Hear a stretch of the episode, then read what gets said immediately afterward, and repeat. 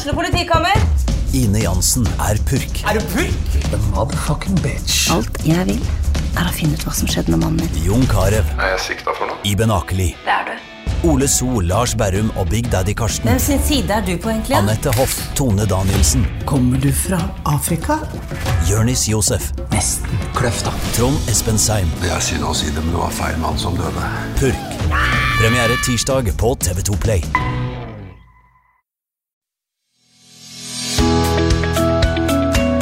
Romerike Sparebank. For deg og lokalmiljøet.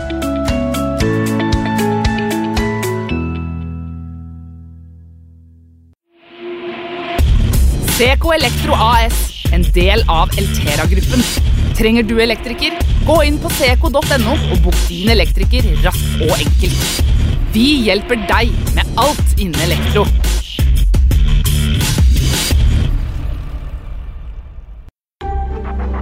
Advokatfirma Halvorsen Co. Din foretrukne advokatforbindelse på Romerike. Vi tar vårt samfunnsansvar på alvor, og vi jobber for å bidra til en bærekraftig utvikling i næringslivet og i samfunnet generelt. For mer informasjon, sjekk ut vår nettside halvorsenco.no. Sammen finner vi de gode løsningene.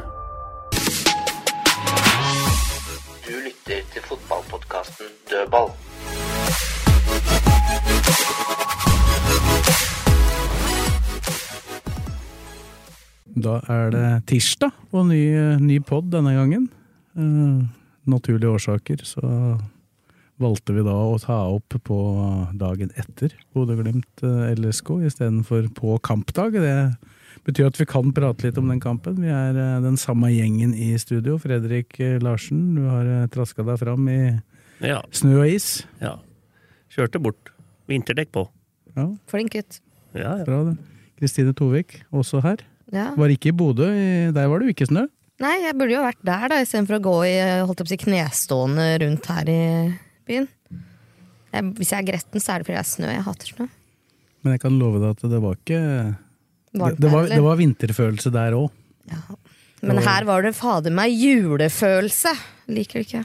Det, var, eh, det er sånn i Bodø at eh, for de som ikke har vært der, så kan jeg fortelle at det er veldig sjelden at det er vindstille i Bodø. Og det var det ikke denne gangen heller. Men, Sist eh, jeg var der, holdt vi på å snø bort. Det er første gangen jeg har hørt aggressiv tone for jævla julefølelse. Det pleier å være koselig. Bra det ikke kom en halvmeter, da, så hadde vi ikke sett deg. Nei, dere hadde ikke det.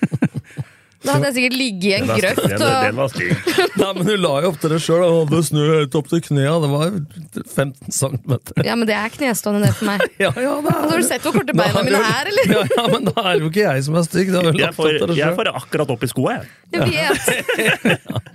Kunne godt lånt noen centimeter av deg. Kommer ikke over skoa dine. da. Det, det, de to beina dine er som to kanoer. Og for de som lurte, da, så er det den fjerde som har meldt seg på i samtalen her, er da Tom Nordli. Jeg. Velkommen til Når deg. det ja. er straffe, så må jeg skyte. Jeg kan ikke vente til jeg får ordet da. Klarer ikke å vente. Nei, det, det, det er vi klar over. Sa du. Det er vel eneste muligheten Tom har til å komme til ordet her, at han tar det sjøl. Ja, det er, jeg har aldri spilt opp, så. Ja. Vær så god. Så ler Blakkar som helt rød i trynet. Sånn er det.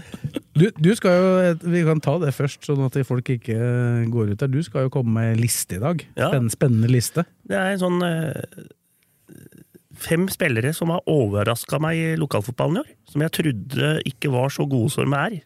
Eller tok steget, da. At de har spilt en annen divisjon før, og så har de tatt steget i en høyere og tror de kan gjøre det bra. Det er noen så klart som har rykka opp her. Nå, Som jeg tror må, kan være gode. jeg må jo si det nå at forrige gang du hadde lapp, da, eller sånn på telefon, så var det 7-Eleven-lapp fra Pål Toreid. Men nå ba du faktisk Sves om Ja. ark og penn. Ja, sånn når jeg skriver ned, så ikke det blir helt surr når jeg skal uh, uttale, for jeg prater, det blir jo feil. Det er et godt taktisk trekk. Ja. Det er det. For at det blir mye Surr. mye surr med navn og sånn, og da skjønner jeg at lytterne kan bli litt uh, surrete i huet òg.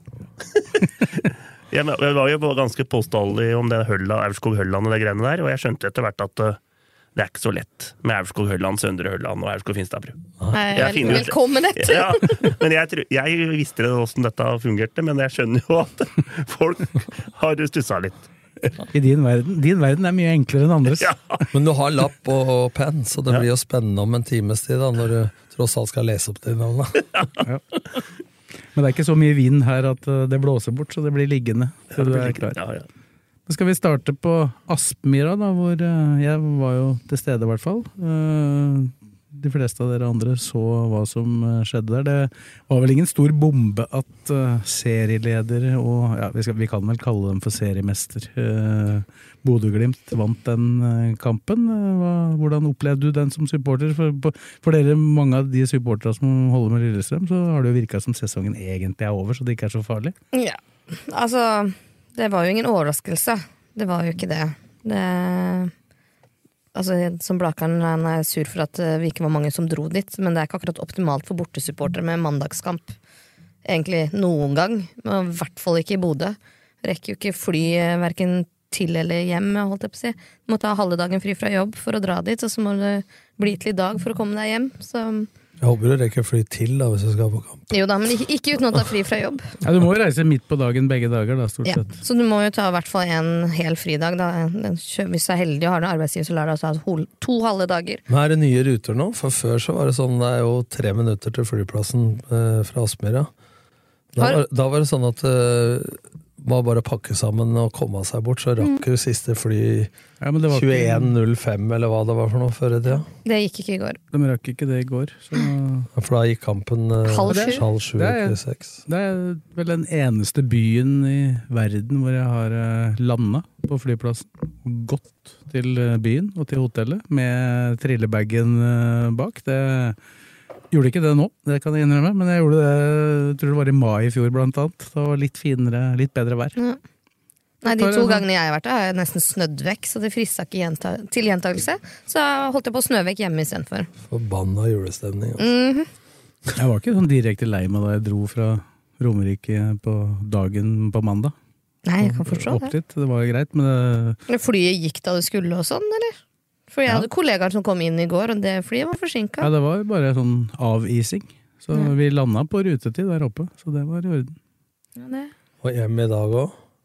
Ja, det var en liten forsinkelse ut, så kom litt seinere. Men Mm. ikke mye. Det andre flyet som gikk samtidig, det var det litt lengre forsinkelse på. Så det var sikkert noe med å reise herfra, jeg vet ikke. Ja. Sånn er det. Kampen. Kampen, ja, jeg eh, var i bursdag, da. Så jeg så på telefonen sånn, kikka litt sånn. Det er bestevenninna mi, da, hva skal jeg Du, gjøre? liker, du liker ikke jul, men bursdag, der, der, der står du last Der og brast. jeg har vært på flere bursdager ja. på et år i den poden her enn jeg har vært i hele mitt liv. Og jeg er dobbelt så gammel som deg. Ja, jeg har litt flere Og da- venner enn Og da deg. tror jeg. inkluderer du dine egne. Ja. 60. Ja, nei, det blir noen bursdager, det gjør jo det. Så jeg skal ikke si så mye om kampen, jeg. men vi kan eh, Jeg kan være med og snakke litt om flaskekasting og sånn når vi kommer dit. Vi tar det etter hvert. Så det, det taktiske, sportslige, det var, var jo et uh, ganske tøft åpningskvarter, i hvert fall. Ja, altså Jeg veit ikke om det er nivåforskjellen eller om det er uh, kunstgresset. Det var ingen tvil om at det var full pupp fra start. Men Ta, ta en ting om det kunstgresset, faktisk, eh, akkurat i går. For det, det påpekte de kollegaene mine i Avisa Nordland, at det blei jo ikke vanna. Og det var jo av at det var minusgrader. Så turte de ikke det. Og det, det mener de også at det hemma egentlig Bodø-Glimt. Du, du så det litt i starten hvis du tenkte på det, at det, det lugga litt i gresset for begge laga. Så det var derf- det, noen av de ballmista kom nok litt som et resultat av. Ja, Men samtidig da, så var det jo lettere å slå ballen i bakrom, da, eh, for da skyter han ikke så fart. Men det var et temposjokk for Lillestrøm første kvarter. Altså. Eh, Nå er det en scoring av da via Brede Mo. Det er jo, for å ta de scoringene først altså, Det blir litt sånn unnskyldninger for meg, da, for man leser at eh, det man uttaler at det var god prestasjon og det var jevnt. Og første var liksom via Brede Mo, eh, og det andre var eh, Andre var feil, da. En grov feil fra Ja, det er jo et innkast. innkast. Den siste var jo siste- tidenes treff. Ja, det er jo lov å skyte i krysset. Ja, jeg, tror, jeg, tror ikke, jeg tror ikke han står på lista over de som har gjort det før, og han kommer antakeligvis ikke på lista av de som kommer til å gjøre det. Igjen. For det er de samme kollegaene mine ta... i Avisa Nordland, de, de gispa, for å si det sånn. Ja. De skjønte ikke hva som foregikk. Men for å ta det med innkast, da. Jeg har sagt det så mange ganger oppe på pressetribben på Åråsen, og jeg så det da jeg var der i 2019 òg, og innkast Altså, det må gå an å ha noe trekk, men jeg har snakka med deg og Kjetil om det når vi har hatt studio i Åråsen, at jeg skjønner ikke hvorfor sidestopperen høyt opp på egen halvdel skal ta innkast. Så hvis Roseth tar det innkastet, så går Ruben nesten ut til sidelinja for å få det kastet i støtte. Da har de en bare Garnås og en sentral midtbanespiller som har blitt markert, og så er det motsatt Eskil Ed. Hvis du mister ballen da, så er det jo tidenes kontringsrom. Ja, ja. Jeg skjønner ikke hvorfor ikke ikke er sidebekken som uh, kaster det, så kan venstre sidestopper, altså Roseth, øh, være i støtte. Og så kan man ha noe trekk framover. Det tok fire og et halvt sekund altså fra det kastet, eget kast, var til den ballen lå i, i nota. Og da er kastet Hvor langt fra midtstreken er det, Morten? Ti, Jeg vil si midt imellom 10-15 midt, Jeg tipper, ja. tipper det var midt imellom eh, 16 og midten. Ja. Ja, Og det der er helt uh... Vi kan jo komme tilbake til den situasjonen akkurat rundt der, for alle Ja. var jo klar for et bytte der. Da, Ja, så det, var- ja, det vet men, jeg. men LSK har jo tross alt muligheten til å holde igjen ballen, men jeg, Ja. jeg tror ikke dommeren tillot bytte, rett og slett. Nei, men altså, de klagde jo på fjerdedommeren, men at de skal bytte, har jo ikke noe om det er sidestopperen eller eh, Nei, sidebekken for til slutt så måtte de jo kaste. Ja, ja. Og så kan Ruben, da, som jeg skrøt av mot Vålerenga, greit han hadde noen feilpasninger, men jeg har sjelden sett den defensivt så sharp og bryte foran og sånn. Og så kan han godt si at han har hatt bedre kamper, men nå var det mer slurvete igjen. Så jeg påstår det fortsatt, at når han er skjerpa, så er han en av Norges klart beste stoppere. Og der jeg, legger jeg lista for Ruben. Så kan han heller si, si at han har vært bedre andre ganger. Men jeg, sy altså- jeg syns ikke han, hvis du ser bort fra de Han gjorde to feil som gjorde at det ble målsjanser, eller Ja. potensielle sjanser. Ja. Den ene har han jo tur for at det Garnås blokker. Ja. men Hvis man ser bort fra to store feil Så spilte- så men, men, to, han en to, god kamp. ja, men to store feil som en midtstopper, da. Det pleier å få ganske store konsekvenser. Ja, I hvert fall mot Glimt. Ja, nettopp. Altså, og da er du ikke skjerpa nok, mener jeg, da. For da tar han større sjanser enn han gjorde mot Vålerenga. Og så møter han bedre spillere. Ja, bør det er- kanskje ikke det, gjøre det. det helt, ja, men da bør han være enda mer skjerpa, da. Skulle det være. Uh, nå er ikke det for å være ute etter ham, men jeg, jeg tenker å legge lista enda høyere for han. Og så kommer de litt inn i det, så sier folk at eh, Bodø-Glimt skrudde av. Det gjorde de ikke, men jeg syns Lillestrøm var flinke til å tette sentrale rom. Når de lå lavt, så var de flinke til å veksle mellom Skogvold og Lene for å ta ut Patrick Berg, så Patrick Berg måtte flytte seg høyere opp i banen. Sånn det gjorde i semifinalen med forrige trenerregime. Og så var de flinke med de tre indreløperne til å være smale nok, så det var ikke så lett å tre indreløpere. Men etter hvert så begynte jo Bodø-Glimt å vandre med Breeze på bekken. Og så havna begge indreløperne av Bodø-Glimt flere ganger Grønbekk og Saltnes over på venstresida. Så blei det noe tellefeil her. Når først Bodø-Glimt kommer opp på sånn 16-25 meter, da er de enormt gode. Da er det 1-2 og veggspill og sånne ting. Så Det kommer, det kommer så utrolig mange bevegelser at det er ja, vanskelig, å de, vanskelig å demme opp for alle. Ja, Se forskjellen på Lillestrøm og Bodø-Glimt sitt angrepsspill. De er så drilla samhandlingsmessig at det, bevegelsene kommer i forkant, så ballføreren har ofte fire, fem, seks valg. Når Lillestrøm spiller og endelig får til noe spill, da, så er det ett og to valg. Mm. Det er forskjellen. Eh, men Lillestrøm gjør taktisk og ligger i ramma, og alt er bra, og de skaper faktisk en del. Men du sitter hele tida med følelsen at det, blir det mål her til Lillestrøm, så er det ett knepp opp, og så Jeg føler at Bodø-Glimt har kontroll. Ja, altså. Altså, det er ikke det at det er noen unnskyldning med de måla, da, men de, de tre typer måla som de slipper inn du, de kan du rett og slett ikke slippe inn mot Glimt, Nei, da, hvis du skal få med deg noe. da. Det er, det, er, det er jo mer, og det, det er jo liksom det som har vært gjennomgangsmelodien i toppkampa, og nå møtte jo LSK det aller beste laget, men i alle toppkampa så har det vært sånne detaljer som har avgjort kampa. Lill Lillestrøm har mot det er, det er noen, noen tiår siden så ville ikke eh, fotballforbundet ha med nordnorske lag i Eliteserien. Nå er det to på topp. Det var noen som mente at det, var, det må være noen som har vært framsynt og sett at Ja. det var dumt at de var med, for da var de på toppen. Bodø-Glimt, Tromsø, Brann, Viking. Det er de fire Og så regner jeg med Molde, da. Ja, men hvis dem- du tar bare de fire laga, Ja. så har Lillestrøm tatt ett poeng av 24. Ja, jeg vet det. Men det, dette, dette lagde jeg sak om for flere runder siden. Ja. Da var, da, du må ta med Sarpsborg, og så må du ta med Molde, og da har Lillestrøm tatt fire. Ja. Nå har de bare Molde, én Moldekamp igjen. men hvis de tar fire poeng da, mot uh, topp seks, så sier det seg sjøl at kanskje da Lillestrøm i forhold til stallen og alle dem har solgt, ligger på en plassering nå som er helt realistisk i forhold til, til kvaliteten på stallen da, og laget. ja, for, de har, jo da? for de har jo da raska med seg bra med poeng mot de andre, i og med at Ja. de ligger der de ligger. Men ja, også Molde, Molde da spilte de mot ti mann, og beste spilleren til Molde ble utvist. ja da, men de leda før Ja. det, da. Bare Ja, men, om men, men, men, men istedenfor altså mase og medalje når man så Altså, vi- Hvis vi telte i forrige på der, så sju-åtte mann som var borte fra elveren i fjor. Mm. Eh, tre mann bak. Eh, ja, to eller tre mann bak. Ja, så Knutsen, Kairin og Det Matthew. er hele midtbanen, og, og, Og Fridjo- toppskåreren. ja, ja, pluss Fridjonsson, som var en bra erstatter. Så, så er det mulig at det, Er det lov å forvente noe særlig mer av det laget? Nei, jeg, jeg mener med det som har skjedd, og de valgene de har tatt, å forvente noe mer enn en sjetteplass. eh, Altså, hvis det blir det med- blir det jo ikke. Det blir ikke noe mer enn en Nei, men, nei, sjetteplass. men blir det noe med, nei, men nå blir det noe med seks nå, så mener jeg at LSK ut fra forutsetningene har gjort en eh, helt ok sesong. Ja, og så kan du, de kan du alltid stille spørsmålet da om det var nødvendig å sette seg i den posisjonen de har gjort. Men jeg, for å unnskylde dem, da. Det er klart at når Simon var på vei til England, og Bakke og Myhre slutter, så er det jo en del spillere som er på vei inn her, som tross alt da Kanskje ikke kom inn allikevel. Nei, ja, som avventer situasjonen. Men, men det er klart at fokus på og Når en veit de skal selge da, og hva som skal inn, så kunne man ha gjort da, hvis du tenker kortsiktig, da, en bedre jobb i, i sommervinduet. Det er Ja. ingen tvil om. Men samtidig, da. Hvis vi går ett år tilbake. Da, da overtalte jo LSK Igo Ogbu til å bli. Ja. For å ta medalje. Tok allikevel ikke medalje, da, på grunn av Det kan vi vel egentlig personifisere, hvorfor de ikke tok medalje. Kasper Tengstedt. Ja. Ellers så hadde de tatt det. Men så ser du hva Viking har gjort nå. Viking hadde jo blitt hudfletta med de resultatene de har nå, hvis de ikke hadde beholdt Brekalo, ikke beholdt Solbakken.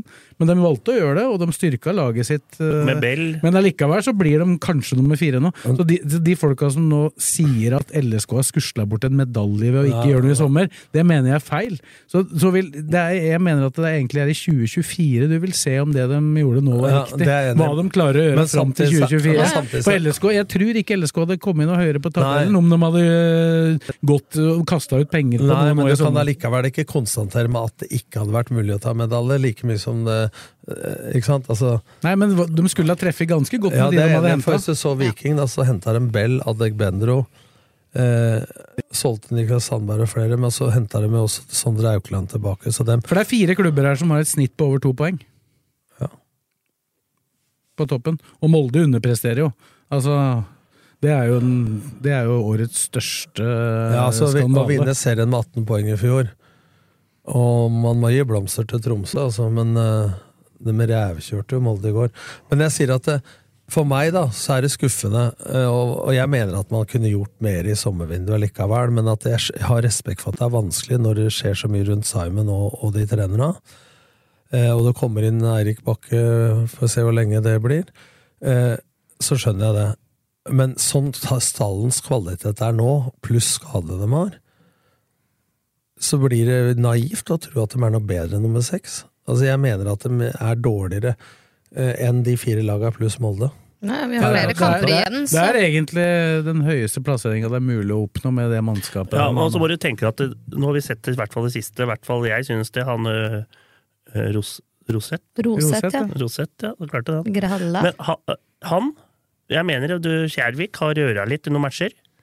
Eh, som er eh, Tromsø borte med den Hensen, noen andre småting også. Med han i hele sesongen, Roseth. ja, Roseth, så er det sju-åtte poeng ekstra. Og da er, det over, da er det rundt Molde nå. De har jo spilt altfor mange kamper med en høy, ser høyre bent ja, du ser venstre sidestopper. du ser hvor god han er. Og hvor hva han tilfører laget. Nå har han skåra i to siste matcher, vel? Ja, Og så tror jeg ikke det på en måte Nei, nei, er malen, da, men han er eh, farlig. defensivt er han jo meget viktig. Måten, det var to sjanser som Lene fikk og skjøt utafor i går, hvor du Roseth trer den ballen altså rett opp i beina, forbi to ledd. Ja, men altså, han, han, han kan være i en pressa situasjon nede ved cornerflagget, og veldig mange slår da bare den ballen utover sidelinja. Han slår den opp i banen og treffer uh, oppsiktsvekkende ofte en, en blink. med riktig drakt. Jeg mener at. Ruben Skjerpa og Roseth er det to klassestoppere. Så får Ja, ja. kjempe om den Altså, altså For å si det sånn, Ja. stoppersituasjonen den er det jo ikke noe grunn til å bekymre seg over, egentlig. Hvis du da tar med Garnås som er der nå, du har Skjærvik, du har Sam Rogers, så, så er det Dette er jo Og spillere som har veldig og Sander Moen Og Foss. Og Foss Tønnesen. Tønnesen eventuelt, hvis Ja. det er helt Altså, det er ikke, Det stopp, det er ikke- det er ikke det er ikke stopper de skal hente. Nei, det er ikke det som er, må være det viktigste på De må hente spiss, og de må hente midtbanespillere. Ja. Sidebekker, Tønnesen, Ranger, Ed. Eh, En til? Pluss at eh, Thomsen eh, Nei, hun har jo han Elkjær òg. De har nok av Elkjær, bekker. Så for meg så er det spiss uh, og Midtbanespillere. eh, midtbanespillere sende, uh, i de tre sentrene. Ja, Litt avhengig av hvordan de skal spille. da Hvis de skal spille Skulle eksempel spille 3-4-3, så blir det jo litt andre typer. Så det, Ja, det da må de tenke vinger i større grad, da. Mm. Men, men jeg savner Det er mye bra spillere, men uh, savner spisskompetansen på folk som kan gå av folk én mot én. Og bortsett fra Skogvold og delvis Thomas, ja, Bolly, da, Ja. så mangler det folk med fart. Ja, det tror jeg. Ed, Ed syns jeg var litt positiv, i hvert fall mot Vålerenga. Med at han Ja, turte jeg å syns, utfordre jeg syns og- han var fin i går. Ja, Ja. han, han er på Så han må bare fortsette å vi må jo ta med den den desidert morsomste situasjonen er jo den som skjer helt på slutten, da Ed plutselig er aleine med seks Bodø-Glimt-spillere på vill fart fram mot mål. At ikke de klarer å få mål på den. Men da gambler jo Lillestrøm, men det da ser du litt av Ja, Tønnesen misser jo den ballen Ja. ut, rett utafor 16-meteren, og så stormer det seks mann. Men altså, Men hvis du ser farten, da, og viljen til å kontre på de seks bodø så godt si at eh, han eh, Faris Pemi der eh, søler bort det der, men den farten de kommer med da, i det kontringsspillet Sjanseløst, da. der er Bodø, Hvis vi ser når, folk trodde at Viking skulle ta seriegull videre Det jeg har sett på Bodø-Glimt nå, de har vært flinkere til å variere. Det var Lillestrøm i går, og brukbare i hvert fall til å variere høyt og lavt press. Men de har jo pressa høyt i hele år, og så har de gått på trynet og, og sluppet inn en del mål. Men i det siste så har Bodø-Glimt trukket seg litt, og så ser du gamle Bodø-Glimt. For det er jo ingen tvil om ved siden av Molde så er Bodø-Glimt det klart beste kontringslaget og Viking da, i, i Norge. Så nå i det siste så har de jo skåret en del på kontring. Fordi at de før i år har de jo drivet og spilt mot 5-3-2 og 5-4-1 hele tida, og drivet og bearbeida og, og spilt mot to busser, da.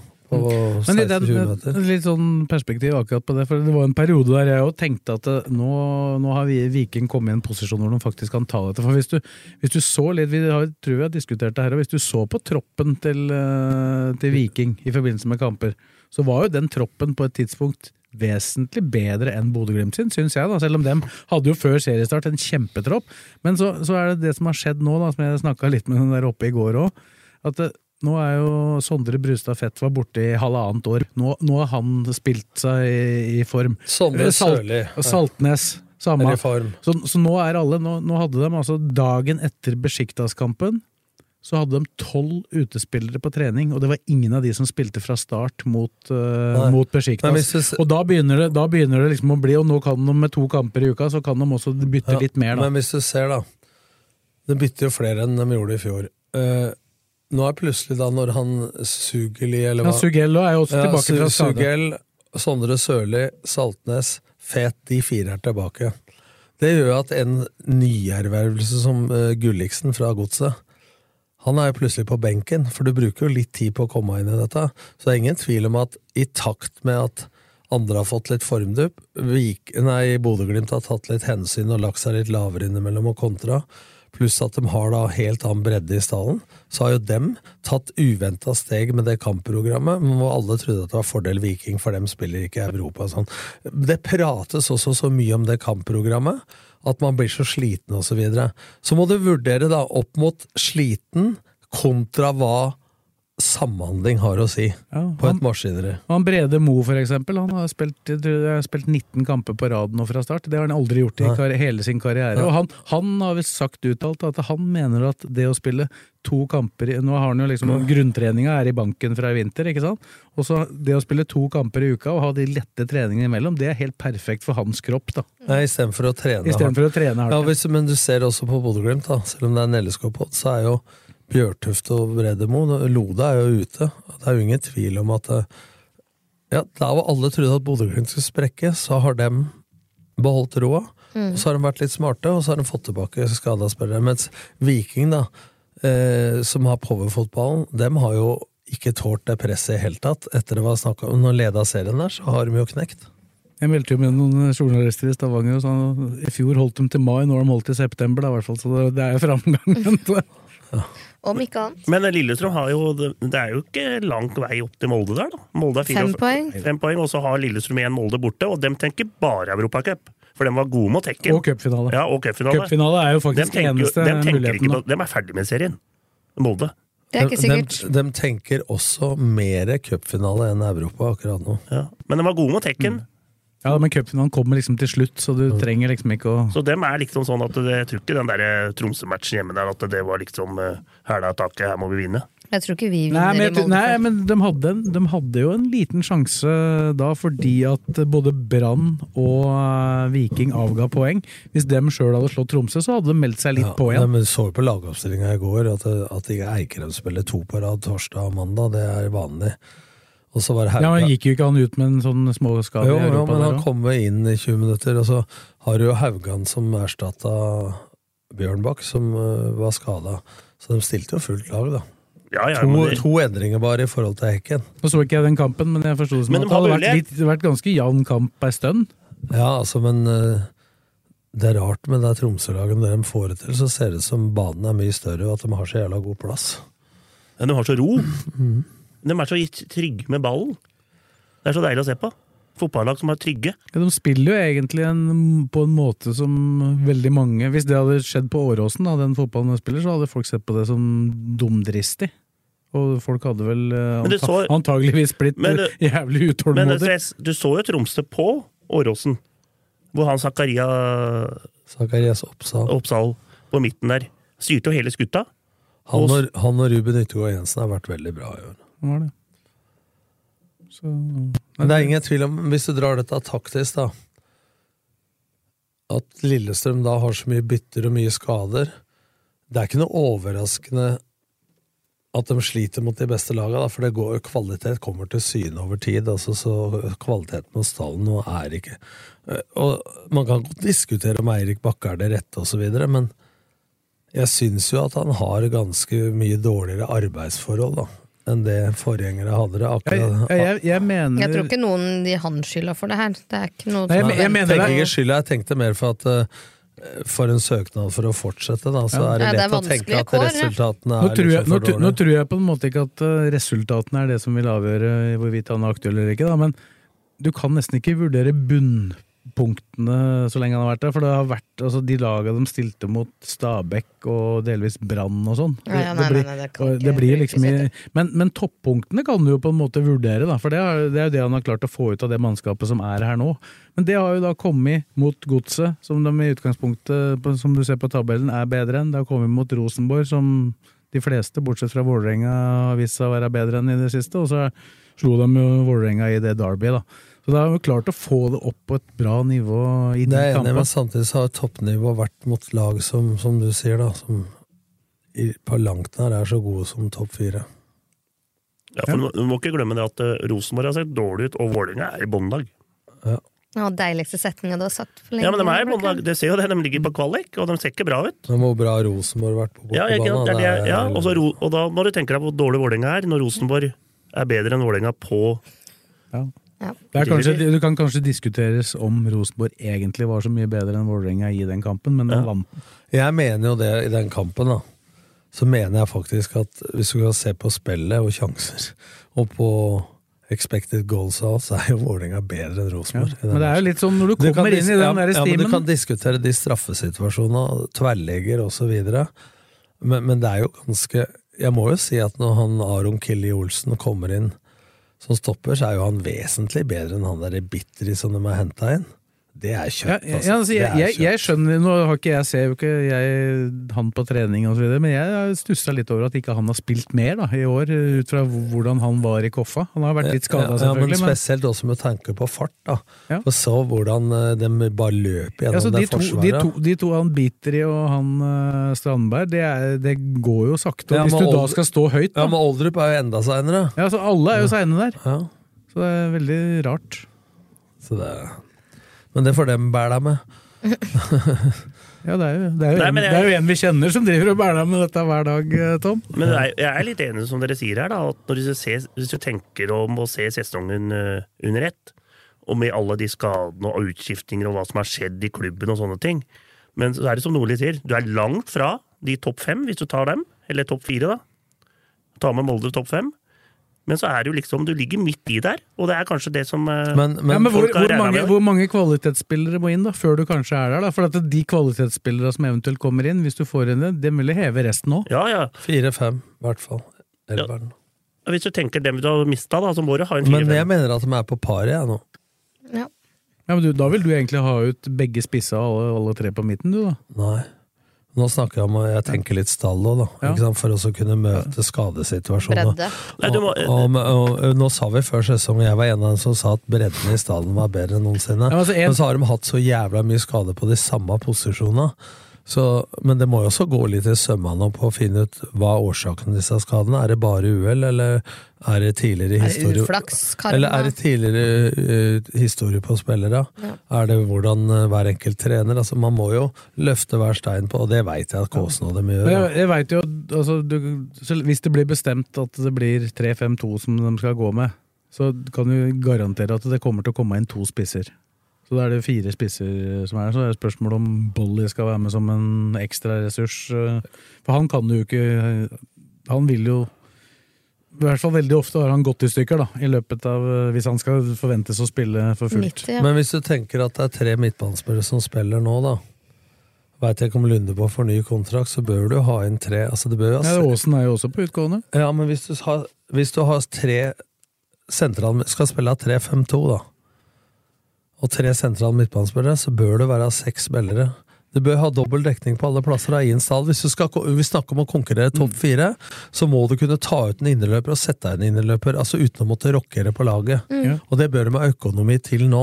For den miksen de har på den midtbaneposisjonen nå, hva tenker du om den? Den er ikke, den er ikke optimal eh, med spillertyper. Nei, for at det- eh, Og akkurat det du prata om i stad, med tempo Ja. og så videre. Men det blir jo sånn Hoff, Lundemo Forskjellige kvaliteter, men eh, ikke så stor forskjell på tempo.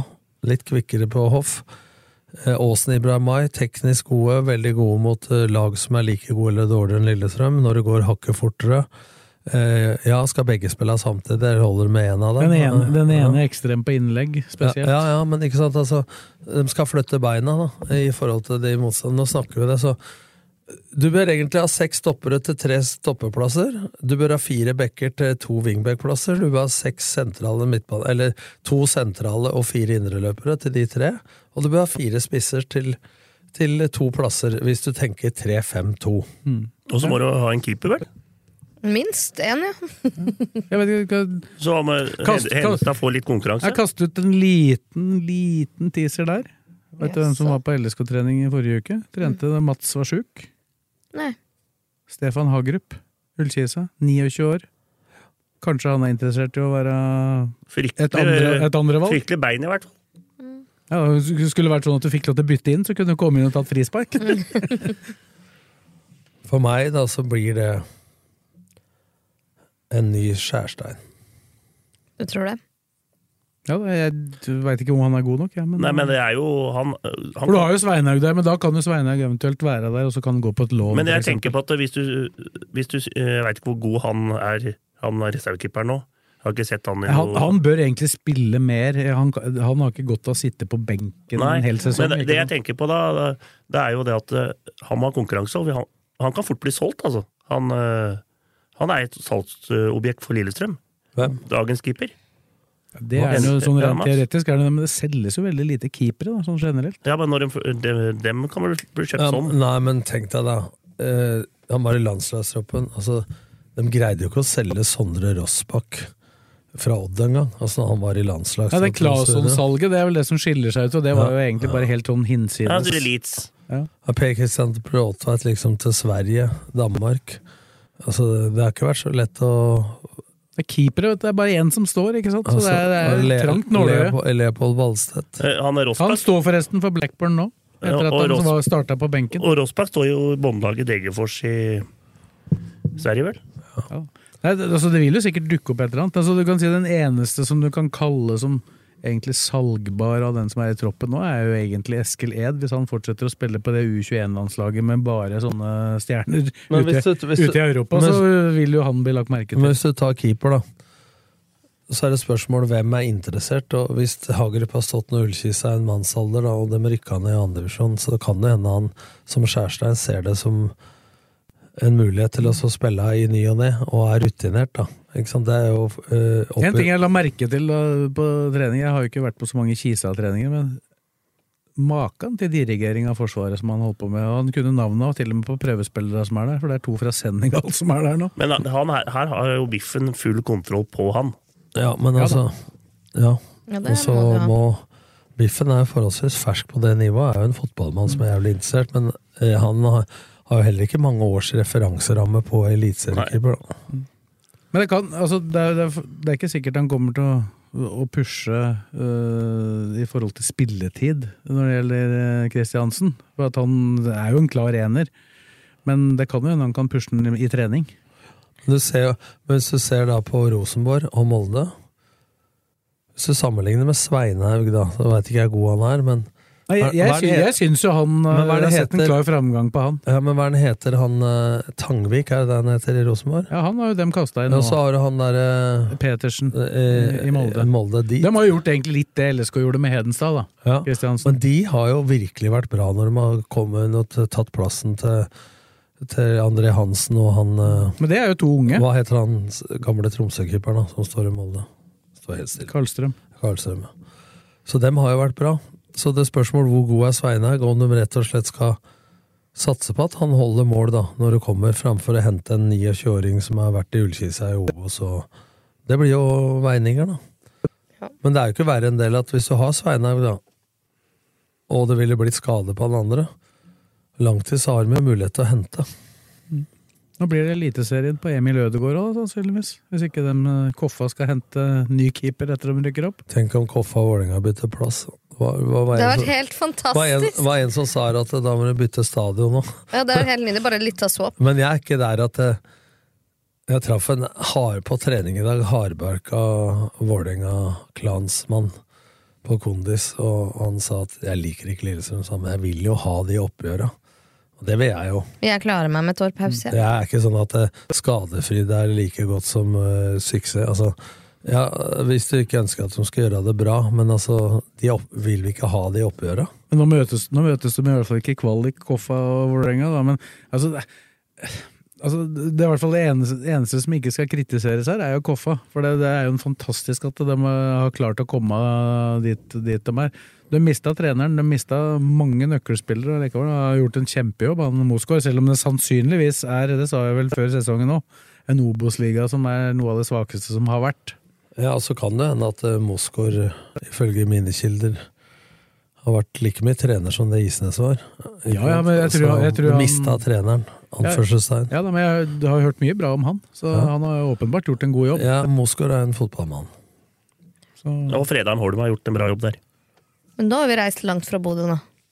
men det Men, men dette har jo noe med rekruttering for neste år og, og tenke hvordan man skal tenke å bygge stallen. Men altså, jeg tror ikke keeper er det første. Jeg tror det er to spisser og tre midtbanespillere. Altså fem spillere må de ha inn. Så kan du alltid diskutere Ja, men skal vi hente ærs, altså reserve for og Aasen og Hoff? Eller skal vi liksom tørre Altså- Altså, hvis du tenker sånn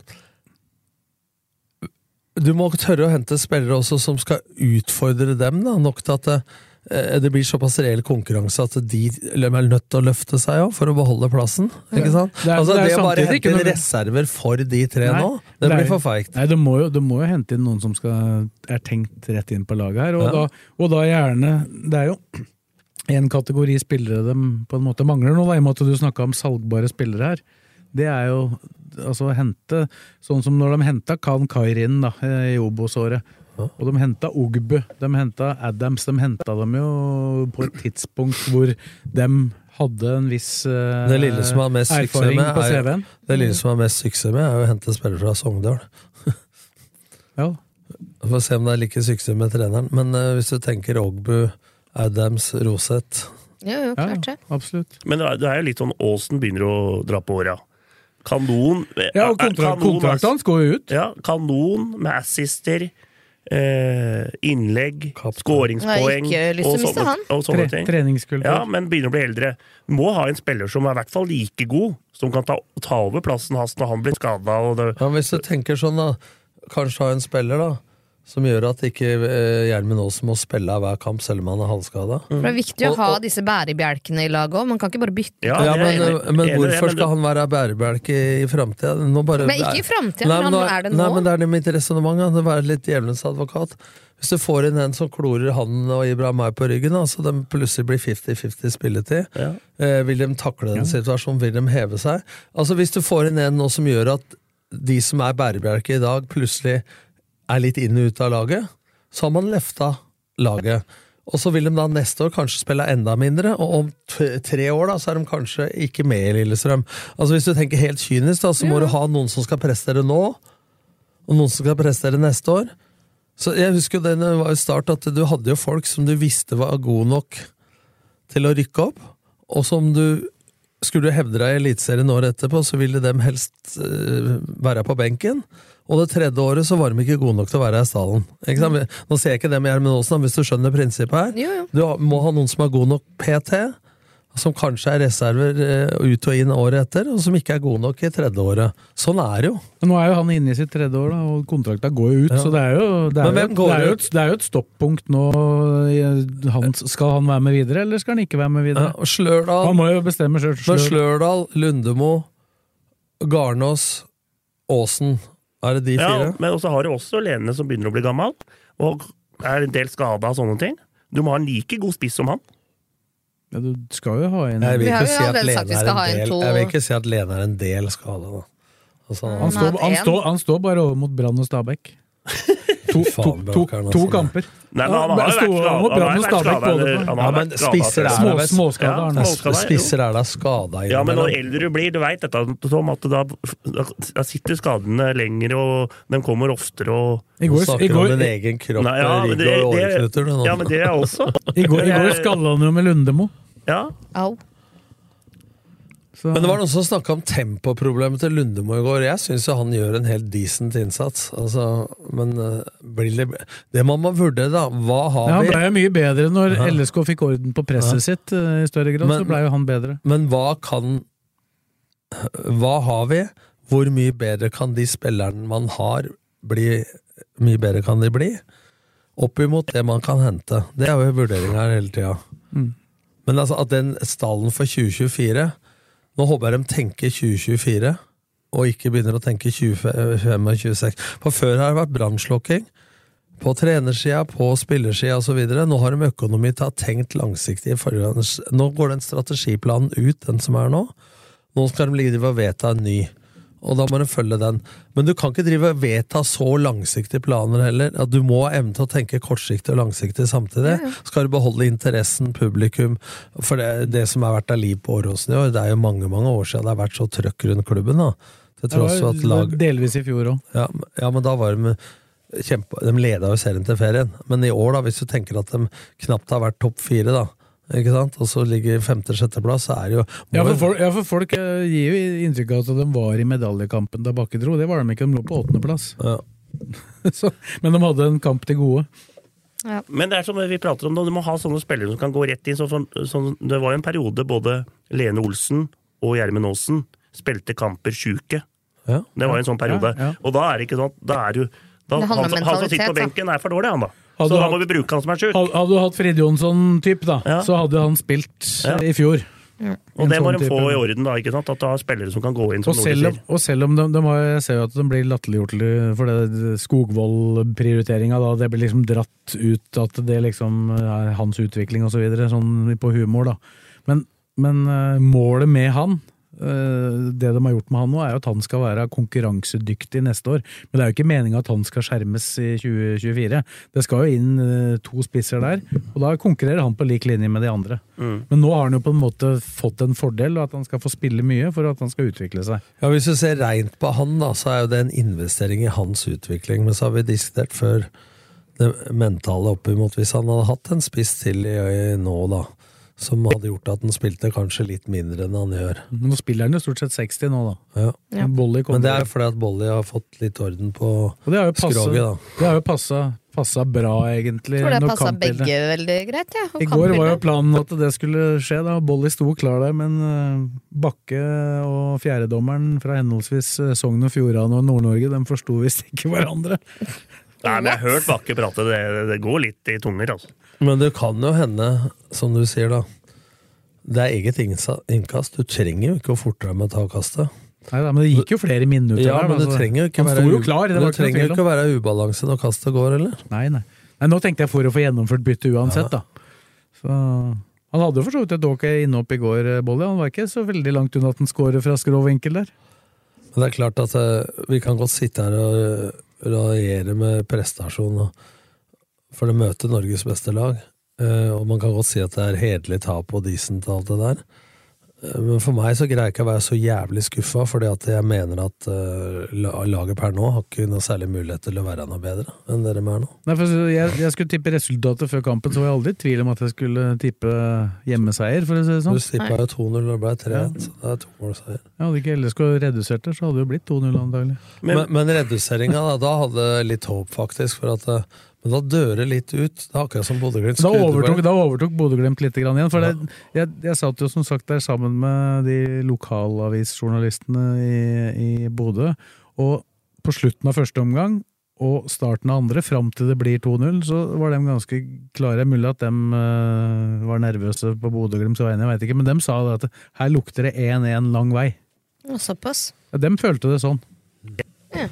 Det er mer en følelse. Ja, det føl- vil jeg også si. satt Ja, men det, det, var, det var liksom hadde litt Men de klarte jo ikke å utnytte de mulighetene de får. Du ser jo den som Ibrahim Mai slår ut til Skogvold.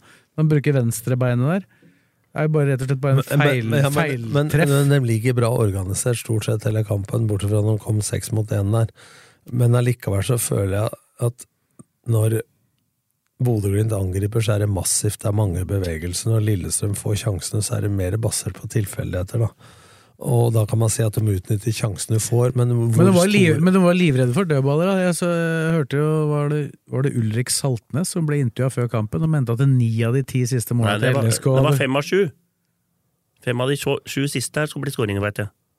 Ja, men mot Ja. Bodø-Glimt skal Ja. du fram til nå. Nei, nei, nei, det var sånn generelt, da. Så han mente, og det var jo, jeg telte jo opp, det var jo ikke i nærheten av så mange dødballer LSK har Ja, de må på. gjerne tro det, da. Nei, men bare, når han Roseth skåra, så var det sju, femte av sjuende Fem av sju. Ja, ja, ja, de har, de har skåra brukbart på dødball i det siste. Så da, da, da må vi krype til korset, for vi var jævla skal negative. ikke- skal det er- ikke krype skal jo ikke- dem, nei, men det er jo dem som har heva seg. Det skal ikke krype en Ja. centimeter, for når vi prata om det, så var de med ræva på det. Men eh, tar, du med, det tar du med gårsdagen, så er fortsatt eh, For det, den første må jo telles som etter dødball eh, for Bodø-Glimt og Roseth. Da ble det 1-1 i dødballmålet i går. Og da er LSK fortsatt én i minus på dødballmål Ja, i år. Men de har blitt litt bedre på offensiv Ja, det er det jeg skulle fram til, da. Eh, men eh, jeg kryper ikke en centimeter, jeg, for, for at de var ræva på det. Og det er, det er blitt bedre. Ikke på statistikken, men det er blitt bedre etter at Eirik Bakke kom. Akkurat det der. Og hjelpa litt etter at Roseth kom inn òg. Ja. Men de slapp inn Men det tok dem en jævla oppgjør på etter den Sarpsborg-matchen. Ja, Det var jo på en måte Ja, det ekstremutgaven. var, da skjønte de at her må vi gjøre noe. ja, det var jævla rart det skulle ta halvannet år for å finne ut det. Ja, det, det der har jeg vært kritisk til. Altså, det jo, men I fjor ble det dekka over fordi at de var så gode Ja, på men, offensivet. men det ble dekka over, men ikke av oss. For vi sa det vel i hvert jævla Studio Åråsen vi hadde, og hver jævla podkast, at eh, fem, seks, sju, åtte mann i sone Jeg skjønner mot Sarpsborg at det ikke var meninga med åtte, men da har de stått i pølsekø der i halvannet år, altså på defensiv dødball. Så ikke kom her og si at vi skal krype en jævla centimeter altså, på det. Nordli kryper ikke. Nei, ikke på Det er, det. det, er, det er blant de Men jeg tingene prøver å legge meg litt, eh, legge meg litt i ja, men det er blant de tinga Tom ikke kan. kan krype. Krype. Legge seg langt flat. Nei. Men jeg pleier å ha litt fakta i bånn. da. Blakeren han sitter og skyter om annen og trea og trea og fjerde, og halvparten av annen eh, er proffer og sånn. Rett ut fra tommelfingeren. Ja. Men uh, kan være enige om at vinteren til LSK Kristine, den blir ekstremt viktig. Hva som skjer i de posisjonene vi har snakka om nå. Hva, hvilken kvalitet de har der eh, ved seriestart i april. Men når de snakker nå at vi skal heller ha den rette treneren og bruke Det er blitt det nye moteuttrykket. Bare kjøpe seg tid. Mm. Ja, jeg skjønner det. Men du kan faen ikke bruke så jævla lang tid, eller? Altså, for med en gang sesongen er ferdig her. Så må det på. Ja, det må, av hva som kommer inn, avklares jo litt med hva du skal fortsette med òg. Ja, ja, hvor skal fokus være? Hva Ja, skal de, man ha fem, inn? de, de fem spillere som vi snakka om nå, Mm. de, de får du jo ikke på plass nå, med dagens situasjon, uavklart trenersituasjon. For det, det, det fins jo, tross alt, da. Så er jo spillere Kan sikkert si mye om fotballspillere, men de, de reiser jo ikke til noe de ikke veit hva er. Nei, det jeg er redd, det jeg er redd for, da, er at eh, hvis det går for lang tid, så havner du litt på etterskudd.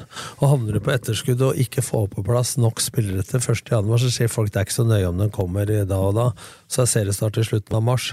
Det er ikke bare å tryllestaven trylle staven og si opp med en kanin. Altså, eh, jo tidligere du har stallen på plass, jo mer du får trent sammen. Altså, du skal samhandle et lag og et nytt mannskap. da. Det er ikke gjort fra midt i februar til slutten av mars. Det er en måned, fem, seks, sju uker. Du må ha en vinter på deg. Ja, du, å kan, få du, kan, du kan kanskje vente med én til to, da. som Ja, du- men ikke når du skal ha fem-seks. For dette, det er selvfølgelig det er en kjensgjerning at det er, alt, det er ikke alt som er tilgjengelig i mars, som ja. er tilgjengelig i januar. Så for, ta typ Vebjørn Hoff, LSK. Forsøkte jo å få med Vebjørn, Ja. få Vebjørn Hoff over allerede i forbindelse med treningsleiren i Gran Canaria i januar. Mm. Da ville ikke han, for da ville han øh, prøve litt mer i Rosenborg. Men så var den tilgjengelig da i, Men la i oss si du må ha seks spillere, da. Så få nå på plass fire, da. Så får du vente med to. For at hvis du skal vente med hele sentrallinja, for eksempel, da, eller et helt midtbaneledd Ja, så Aller først må det jo avklares også med de som er i klubben per i Hvem dag. som Da. blir og ikke. ja, Og da blir det jo fort, hvis ikke det avklares, så blir det jo fort uh, sommervindu, og så skal man tenke 2025 og så videre. Nei, jeg tror ikke det er noe fare for det. Nei, men altså, strategiplanen er vel og bra, men planen må ikke drepe øyeblikkets Altså Når kjøpsignalet er der, eller når man trenger noe. Man må se på behovet òg, jeg veit at de gjør det, nå er det mer sånn engasjement i meg som prater, at jeg tror mange nå sitter og er spent på hva med 2024. Ja, det er ingen som er spesielt spent på 2023, i hvert fall. Det er, Nei, det er følger, det. mer, mer på næringskampen nå, enn på LSK, Nå snakka jeg, jeg ikke om 2023, da. Jeg tenkte 24 og 25. Ja, ja. Vi sa ikke noe annet. Er, er det sånn at du tenker mer på nedrykkskampen nå, hva som skjer der, enn på det som skjer med LSK? Ja, nesten. Jeg skal ikke si at det er så ille, men det er nesten. Altså, det- vi, har jo noen kamper igjen, men eh, det er jo naivt å tro at vi kommer noe høyere enn Men sjetteplass. nå må jeg arrestere deg litt, fordi nå har LSK Super bort borte fra 2014 og 2015, når det ble femte- og sjuende- og åttendeplass. Enten snakka de siste med fjerdeplasser om medaljestrid og Europa, eller så har man, har prata langt ut i desember om å, å unngå nedrykk. Jo, jo, men det, mange, det, er jo trygt Ja, og men godt å være ja, her, da. Men så har mange supportere da ønska seg å tenke å ha hatt en avslutning hvor kunne gå på kamp uten å være nervøs. Ja, det vær, får vi vær så god. Jo, det har takk. det nå. Men det er, vi Men nå er det feil òg! Greia er jo at vi så øynene et lite håp med Europa, da, så er det så kjipt når det ikke blir noe av. Altså, ja. Ja, men sett i perspektiv hva dere har ment før, da. Da har man ment liksom at Men livet er stadig under forandring, Tom. Da forandrer behovene seg Bortsett fra antall bursdager. Ja, nei, det blir bare flere og flere jo flere som blir født, så det er jo litt slitsomt, det. Heldigvis ikke så mange som går bort som blir født. Det er vel de to fjerdeplassene og den medaljekampen som ellers skulle ha vært i de to siste åra etter opprykket. Det er vel det som har eh, snudd forventningene. Altså, jeg regner med at den situasjonen som LSK er i akkurat nå, den hadde dere betalt penger for å få i, i 2021. Antageligvis. Men god er når du har vært og kan bli igjen. Dårlig er når du har vært og trenger ikke å bli igjen. Mm. Men det er ikke noe automatikk fordi man har tatt to fjerdeplasser. At det nødvendigvis skal bli bedre året etterpå. Det kommer jo an på hvilke grep som blir gjort. Helt klart. Ja, og spesielt så Det blei jo bygd opp, dette starta jo i 2020 med å hente inn de spillere, salgbare spillere, som skulle generere inntekter. Men nå er jo alle de som da skulle generere inntekter, er jo solgt. Ja. Ja, og da må du generert. skape nye. Da må vi bruke noen av de penga. Og det må brukes vekselsvis på noen som er etablerte og skal inn og styre, og så sannsynligvis da noen som kan bli Men en salgsobjekter. Men en ting er laget på banen, som skal ha relasjoner. Hvem som blir trener, vil også rokke ved laget utafor banen. Altså støtteapparatet. Ja, ja. Ikke sant? Og jo lengre tid dette tar, jo verre er det å få dette til å stemme. Ja, nei, det, det bør jobbes på, på spreng. Mm. Og så kommer det an på valg. Og da har jeg en kjepphest. Det er bedre å gjøre de riktige tingene enn å bare gjøre tingene riktig. Tenk hvor mange som holder på med ting rundt i forskjellige jobber som gjør jobben sin veldig bra, men det er kanskje feil valg. De jobber med feil ting og så videre. Så det, for meg nå så er Jeg veit jo at de jobber med det, men det er mitt hjertesukk det er jo at valga som blir tatt nå, Om det er i forhold til 2024, det håper jeg, og 2025, men det må være i forhold til en strategiplan, men da må jaggu meg den planen være på banen snart. den planen kommer ikke til å komme, men det sa jo Kokkim i intervjuet Kommer ikke til å komme? Ikke før, ikke før de ansetter trener, antagelig, men eh, if, ifølge Er det ikke viktig at trener passer i forhold til strategiplanen? Jo, men det, det, det står veldig lite detaljert om uh, hvordan de skal spille og sånn i den. Det står mer om hva som er målsettinga på sport. ikke veien dit. Men, men mål La oss si at de bestemmer seg for at målet er å kjempe om medaljer, da. Eller at de skal være Europa hvert år. Da- jeg, jeg tenker at de skal kjempe om å være Europa, er et naturlig Men- mål. Og da får jo det konsekvens for hva Ja, du gjør. Men hvor, men hvor vanskelig er det å sette en strategiplan med mål? Og, og hvordan kan man sette mål ut ifra når man ikke veit hvem som skal oppnå de måla? Én ting er klubbens mål. Å få eierforhold til det i hele organisasjonen. Sponsorer, spillere og alt. Nummer to er jo lagets resultatmål. Nummer tre er lagets utviklingsmål. Ikke sant? Og hvis du skal si vi skal bli Som Bodø-Glimt gjorde da i 2017-2018, når jeg var i møte med dem, så var det jo snakk om de var gode på kontringer osv. Det var snakk om å bli bedre trent, bedre i angrep mot etablert forsvar, bedre i etablert forsvar. Det var tre konkrete utviklingsmål. Ikke sant? Når man, eh, og så kan spillestilen være noe annet. Så kommer det individuelle mål, altså spilleres resultatmål. Det må jo settes sammen med trenerteamet. Og så kommer Men da tror jeg det er utafor strategiplanen. Da. Ja, men, ja, men hvorfor skal I, mitt hus er det innafor en plan. I hvert fall en sportslig plan. da. Men det må jo trenerne være med å sette. Og så kommer det på spillernes utviklingsmål òg, da. Hva skal hver enkelt spiller utvikle seg på? Men de skal jo utvikle seg individuelt. Men de kan ikke bare utvikle seg individuelt, men de må utvikle seg individuelt i forhold til den rolle de har i laget, da. Som igjen er avhengig av hvilken spillestil de har. Ikke sant?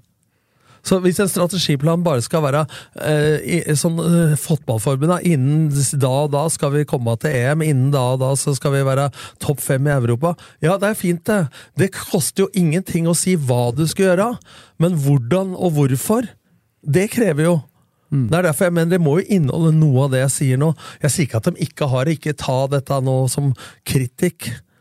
Som mange gjør. Bjørnar Solli og så flere, som jeg har fått pepper av. Ja, ja, men vi sier jo det her hver pod, så nå må vi jo avvente og se hva som faktisk skjer, før Ja. vi fortsetter å repetere oss i det uendelige. Ja, men eh, vi skal jo faen ikke avvente. Det er jo det vi sitter og uh, sier, at de må få ut vingen.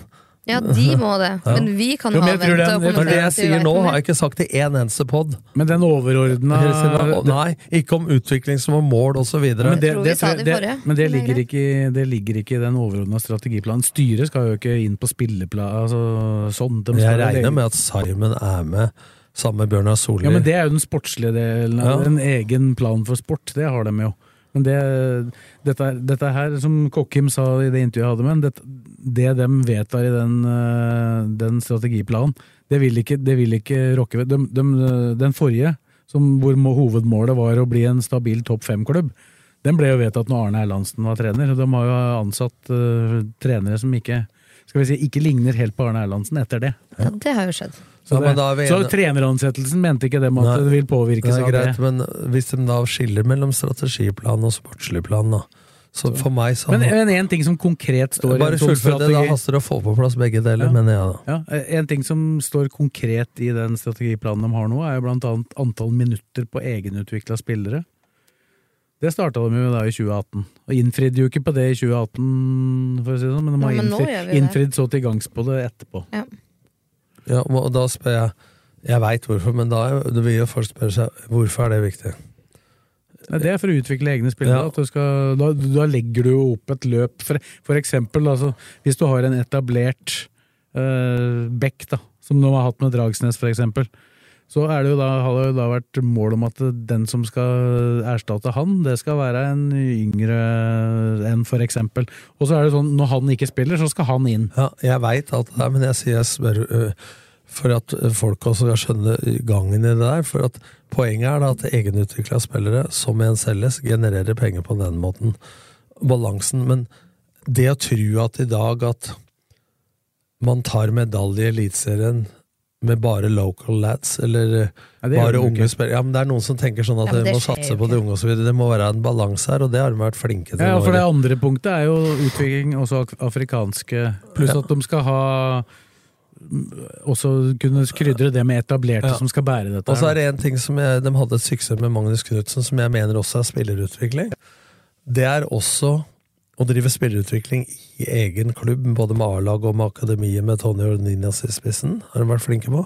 Men det å leie ut spillere til riktige klubber på riktig tidspunkt for å hente folk tilbake, som Rosenborg gjorde før med å leie ut folk til Molde og Bodø-Glimt osv. Det går an å drive spillerutvikling, det, og da er det viktig at de leies ut til eh, klubber hvor de får spille noenlunde i samme rolle som de har innafor spillestilen til Lillestrøm. Da. Ikke sant? Ja. Det, eh, disse ting, jeg veit at de jobber med det, men at vi må kunne diskutere de tinga her. Uh, men det må gå fort hvis de skal få et Hvis, hvis målet skulle være å, å være Europa topp fire i 2024, så må det skje Det er vel enig, Kristin? Da må Jo. det skje en del ting nå snart. Absolutt. Definitivt. Så må det det. Så- Og det er, du har rett i det, Morten. Altså, jeg tror også spillere som har flere alternativer, gjerne vil vite både strategiplan, sportslig plan og hvem som er trener, før de tar valget. Både dem som har gå utgående kontrakt, Og og de som vurderer inn. Ja, Ja, du har jo de på utgående.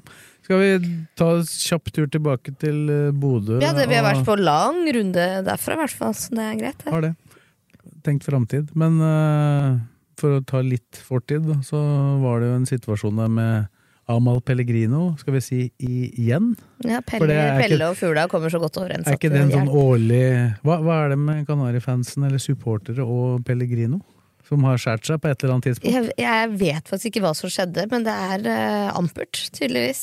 Uh, Begge, begge veier, får vi Begge, si. ja, begge veier, helt klart, men det nærer jo gjerne hverandre, da. Uh, Man feeder jo hverandres energi. Men så skal det jo sies at vi har jo en viss indrejustis i Kanarifansen, og vi godtar ikke kasting av ting på banen. Eh, Men han meldte seg jo sjøl, han som kasta den flaska. Han la seg vel langflat allerede på stadion og sa det var meg og skulle ikke skje igjen. Og han har meldt seg til klubben, sånn at det er opp til doms- og sanksjonsutvalget å gi han en passende straff. Ja, for der går grensa. Vi snakka jo mye om supporter og TIFOR og sånn forrige gang, men eh, Og da sa vel jeg at, at skillet går når du da faktisk eh, utøver hærverk eller fysisk eh, vold. Og det driver vi ikke med. Vi kaster ikke bluss på banen, og vi kaster ikke ting etter spillere. Det er en uting. Nå har vi hatt noen som pælma lommeboka si glupt nok eh, utover eh, mot banen. Han har avslørt seg vel seg sjøl ganske greit der. Men det er en uting, og det er ikke noe vi står bak. Hva tenker du, Fredrik, om eh, spillere som har en trang til å stå og gjøre et eller annet foran motstanderens fans når de scorer? Det har jo blitt noen tilfeller av dette Ja, her. men jeg tror det er litt sånn eh, Det er går Gleden tar over noen ganger, sånn som eh, Hendestad gjorde sånn mot Kanar... Nei, mot Jo, jo, men der har jo de drivet og Ja. kasta golfballer og Ja, sånn ja, etter men det er litt sånn at det skjer Det var fem, han var 50 meter unna. Ja, ja, men hvis, sånne, sånne ting skjer hele tida. Ja, men jeg mener det er en forskjell her på når du er på hjemmebane, og du har tre tribuner med dine egne. Hvorfor i huleste skal du velge å feire for bortefansen da? Nå var han riktignok ikke der lenge, da. Nei, men jeg- jeg- han tok jo, han det tok jo fingeren for å hysje på dem. Men Men men sånn som han gjorde, han uh, Rosenborg-spilleren. Han, Nel- Jed Nelson han gikk jo nesten, ville jo nesten ikke gå bort fra klanen. Men, da. men for meg så er dette å si at gleden tar over da, men det blir unnskyldninger. Altså dette er eh, sånn som Pellegrino sin tilfelle. Så han har sikkert fått mye dritt, men dette er bitterhet begge veier. Jo, jo, Altså, og det skjønner Nei, at men- han Jo, men jeg, jeg, snakka med, jeg snakka med en på flyplassen i dag, en LSK-supporter som ikke vanligvis står med eh, supportere. Ja. Og han, han sa i hvert fall det, det hadde ikke vært noen ting fra de supporterne som var der, mot Pellegrino i løpet av hele kampen. Nei, men Som han, han er, hadde han er fått med seg. bitter fra før. Og da har han et behov for å altså, markere han det. hadde jo, vi må jo kunne si han hadde jo en uh, særdeles uh, un, under middels LSK-karriere. LSK-karriere. 20 kamper, null mål. Ja. Uh, fikk sine sjanser av Magnus Haglund. Spilte på bekostning av Fred Friday, som slo igjennom. Rundt i Mjøndalen, uh, skåra ett mål i Eliteserien for dem. Så gikk han til Godset, skåra vel fire mål i Eliteserien for dem.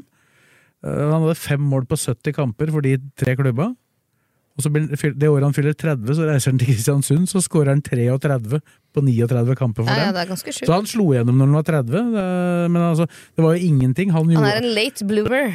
han var definitivt den beste avslutteren i LSK når han var der, men han klarte jo ikke å omsette det på banen. Men kan vi, ikke, kan vi ikke ansvarsfordele dette litt?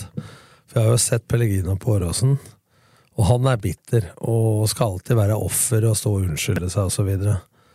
Og det er godt å høre det er du som sier det, ikke meg. Ja, men jeg må jo få legge til også, da, at den bitterheten gjelder faen meg andre veien òg. For maken til dritt han har fått også, altså fra Men det er ikke alle. Du må huske Det er noen få Men- som mener høyt Ja, og men- synes ja, godt. men, ja, men men det er ikke gitt at sagt- alle mener det. Hvem har sagt at det er alle?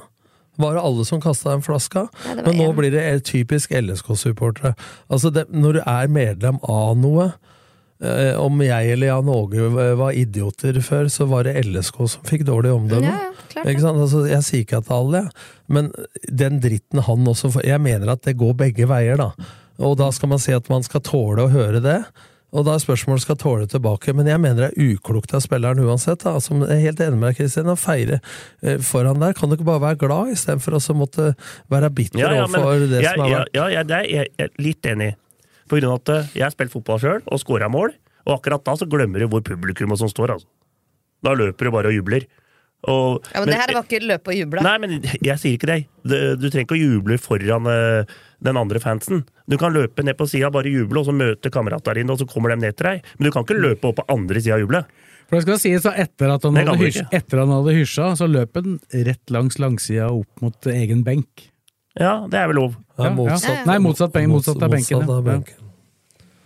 For det Det var er jo greit. Det var, Ja. for Men den der hysjinga er jo ikke en Bolle gjorde jo det samme Men det som er eh, rart- forrige helg. Han sa jo at det var deilig å score foran klanen, men han løp jo rett bort til benken. Ja, men Men det som er rart, er at eh, for meg som så det på TV, så lurte jeg på om det var en LSK-supporter. For tar jeg feil hvis LSK-supportere egentlig sto i den andre, bak det andre målet? Nei, de sto bak det målet han skåra. ja, den der- I hjørnet til venstre. Motsatt av supporterne uh, Ja. til, Til Glimt, ja. Ja, for at jeg var, Helt på venstre side. ja, men jeg var usikker på om den flaska kom fra langsida eller fra bak mål. Det var vanskelig å se på TV. da Ja. Nei, han kom fra bak mål, tydeligvis. Ja, ja, det Men det er bare noe- slutt med det. Altså det, det er for dumt. Og det er jo ikke alle, men det går jo utover Jeg syns, jeg syns ikke liksom det han gjorde i går, det mener jeg eller på kampen her, det mener jeg ikke er gult kort, men det som han Jaden Nelson gjorde, det er godt at dommeren ga Ja, kort. Så hadde du, du hadde jo Jatta, gjorde jo det samme mot LSK i fjor, men- og Sarawi året før. Men du kan, men du kan ikke beskytte deg mot enkeltindivider. Så selv om det er ikke alle som er enig med deg, Kristine, så, så lenge de står sammen med fansen, og du representerer Ja, vi representerer jo Ja, Kanarifansen når vi er på tur. Ja, da vil jo folk mene at typisk Ja, Kanarifansen. men det, så, det, så, det, så, det så du jo meldinger på i går, Ja. det, at det var, dette var typisk LSK blant de som ikke følger med. Altså, de, de var sikkert også blant de som da tilhørte den kategorien som mente at den Tifon forrige helg var, Var over eh, streken, var over ja. Sånn vil det alltid være. Men jeg måtte le, da, apropos det. Det var en kamp på TV, jeg husker ikke hvilken eliteseriekamp. Hvor det junger over tribunen, runger over tribunen når en ligger skada. Ja, La han, jeg, jeg tror det var på uh, Intility. la han dø, la han dø, la han dø. Så det var liksom så ille ifølge Welhaven at han skal dø etter kampen. Og det synges jo hver Ja, eneste altså, match. Ja, Man kan godt si at det er feil, men what's new? Ja. Jo, jo, men jeg, prat, jeg prata med noen i Bodø i går, da, på, før kampen der, og syntes at det var så fælt og sånn. Og, og syns ikke nødvendigvis den Tifon syns jo det var, var helt fint og var kunstverk og sånn, men uh, at det ble kobla på den teksten Jo, men så er den, den, den sangen som de sang til han, den synger de til alle dommere de mener dømmer dårlig, hvert eneste år. Jeg har gjort det i årevis. Å ja! Nei, Men da var det ikke så ille. Nei. Altså, folk tar det helt ut av kontekst. Og det er jo fordi at uh, Ja, man må se det i kontekst, helt klart. En navngitt journalist i, eller kommentator i VG, da. Så Leif Welhaven heter han. Han får, jo, han får jo med seg de som på en måte ikke følger så nøye med på hva som har skjedd. Da. Ja. Og dem, da han, så, hvis du leser det han skriver ordrett og tenker at sånn var det, så syns, vil jo de fleste mene at det kanskje ikke var helt bra. Han maler jo et bilde, han ønsker en reaksjon, og den får han. Så, men han blir jo Han kan godt si at det, er, det ikke er bra, jeg har blitt kalt alt mulig, det er ikke bra, men spørsmålet skal Åssen skal du vinne den kampen? Pick your fights, på en måte. da. Ja, ja.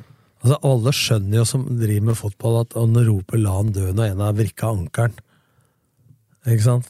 Eh, Reis deg opp og la han dø. Ja, nå sang vi vel 'etter matchen skal du dø', men eh, det, ja, det, ja, men det blir men det blir akkurat det samme. Vi synger det, og det har blitt sunget av antageligvis alle lag i Eliteserien og Obos. Så det er ikke Hva noe er de sanga? Eh, Når jeg var på White Hart Lane i gamle dager, med Paul Gascoigne mot Steve McMahon eh, i eh, Liverpool. Og da var det 'let him die' og 'he's gonna cry in a minute'. det, det runga over hele greia der når Gassa drev og sutra fra det kopp der. Så ja, altså man må skille mellom Det er tomme trusler. ja. Det er ingen som Og det kan godt hende det ikke er bra, men altså Hvordan vinne den kampen? Altså, det, det jeg tror jeg er verre å se på Dagsrevyen. Ja. Det er ikke bra å spise sjokolade hver dag heller, men uh, nå om dagen så er det vel halloween-kurver overalt, så det er vanskelig å la være. Sånn Vær forsiktig nå, for nå sto det i avisa i går at uh, det nye nå er å legge narkotika i sånne små seigmenn og bamsemums og greier. Hvis det skjer på arbeidsplassen min, så blir jeg Ja, men hva, hva skjer da? av? Innen pandemien så lærte vi oss at vi skulle ta imot ting som var pakka inn, Mm. ikke løse ting. Skal vi da bevege oss uh, noen dager fram, for da skal LSK spille en ny kamp mot et lag som uh, vel kanskje er ute av båndstriden nå, Haugesund? Ja. Er det lov å slå dem, da vel? Det er jo selvfølgelig lov å slå dem, det er Ja, men hyggeligere. Det er, vi er på Fort Åråsen, vi bør jo ha et visst jo, rykte men nå tenkte jeg Hvis de hadde kjempa med Vålerenga, så er det vel Ja, det er, Ja, da måtte vi ha vurdert taktikken litt. er det hjemmekamp til helga mot Haugesund? Ja. Klokka fem? Fem.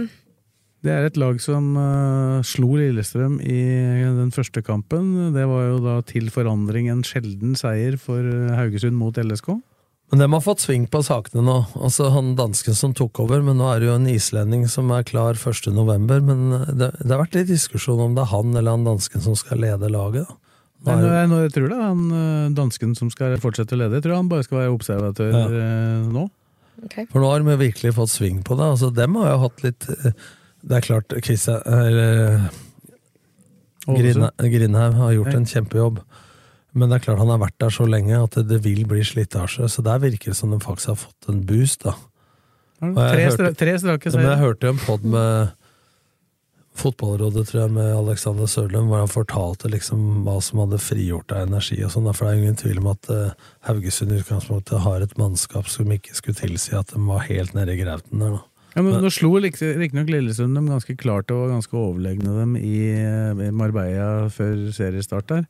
Men jeg, da jeg så troppen deres, de hadde en ganske bra tropp, syns jeg, før Ja. seriestart. Så jeg trodde jeg ble litt overraska over at de ikke har gjort det bedre. Men nå greide vel han derre Hva er han De er, er spissen heter?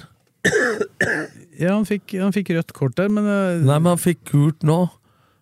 På overtid for å feire på 6-1, så han må stå over mot Nei, men han fikk rødt etterpå. Fikk andre gule. Jeg skjønte ikke hvor, Ja, hvor ja, han andre gul, gule, for han, andre- hadde, for han hadde ikke gult fra før, som Nei, jeg jeg hadde fått Men han greide da på 6-1 da, å feire på seg, prate på seg et kort, så han må stå over mot Er, er det hva han heter, da? Sorry, Diara. Diara. Sorry. Ja, Sorry. Sorry, Diara. Du må Sorry, stå over. not Men han sorry. starta ikke kampen, da. Nei. Men jeg husker jo den der eh, forrige kampen i Haugesund, så var han og Nidje på topp. Var ganske bra trussel på overganger, altså. Ja, og så har de Alexander Sørlund, har jo skåret i to kamper på rad. Han har ikke skåret på et år. Og han har jo kommet i gang igjen. Han var jo skada helt fram til august i hele år. Så Martin Samuelsen er der. De har fått litt eh, sving på det igjen. Altså. De har jo egentlig en midtbanespiller som helt sikkert er, står på LSKs liste, men som sannsynligvis sikter høyere. Kevin Krygård. Ja. Han er jo en som kunne komme inn og gjort en god jobb sentralt. Ja. Men, uh, Men han tror jeg koster for mye penger. det må jo være mulig, da. Og så få en litt åpen kamp på Åråsen. En underholdende kamp, det er det. Med Ja. to lag som eh, ikke har noe panikk. for Men hvis vi, hvis vi tar utgangspunkt i de to siste kampene til LSK, altså mot Vålerenga og nå mot eh, Bodø-Glimt, som selvfølgelig er den vanskeligste og tøffeste motstanderen du kan ha, så er det vel ikke noe Går jo ikke inn i den kampen med en sånn negativ uh, spiral nå, syns jeg. Nei, det tror jeg ikke. Man går inn med denne med en god følelse. Vi skal ta den på Åråsen. Punktum. Jeg tror nok det er en liten utfordring nå for laget utafor banen og din på, og så få tenninga på riktig Riktig tidspunkt. Ja, og få det opp igjen. Det skal egentlig Det er være jo en morsomst fin mulighet å med få som litt, fotballspiller. Jeg er helt enig, men, det bør være eh, et fint tidspunkt å få litt mestringsfølelse på, da. Ja, Du kan godt si det, men det er mekanismer. da. Når du møter Vålerenga, så møter du Norges beste lag. Thomas Lene uttalte at går ikke av mot uh, Bodø-Glimt, føler at vi hadde et tak på det, og det er en viktig kamp osv. Mm.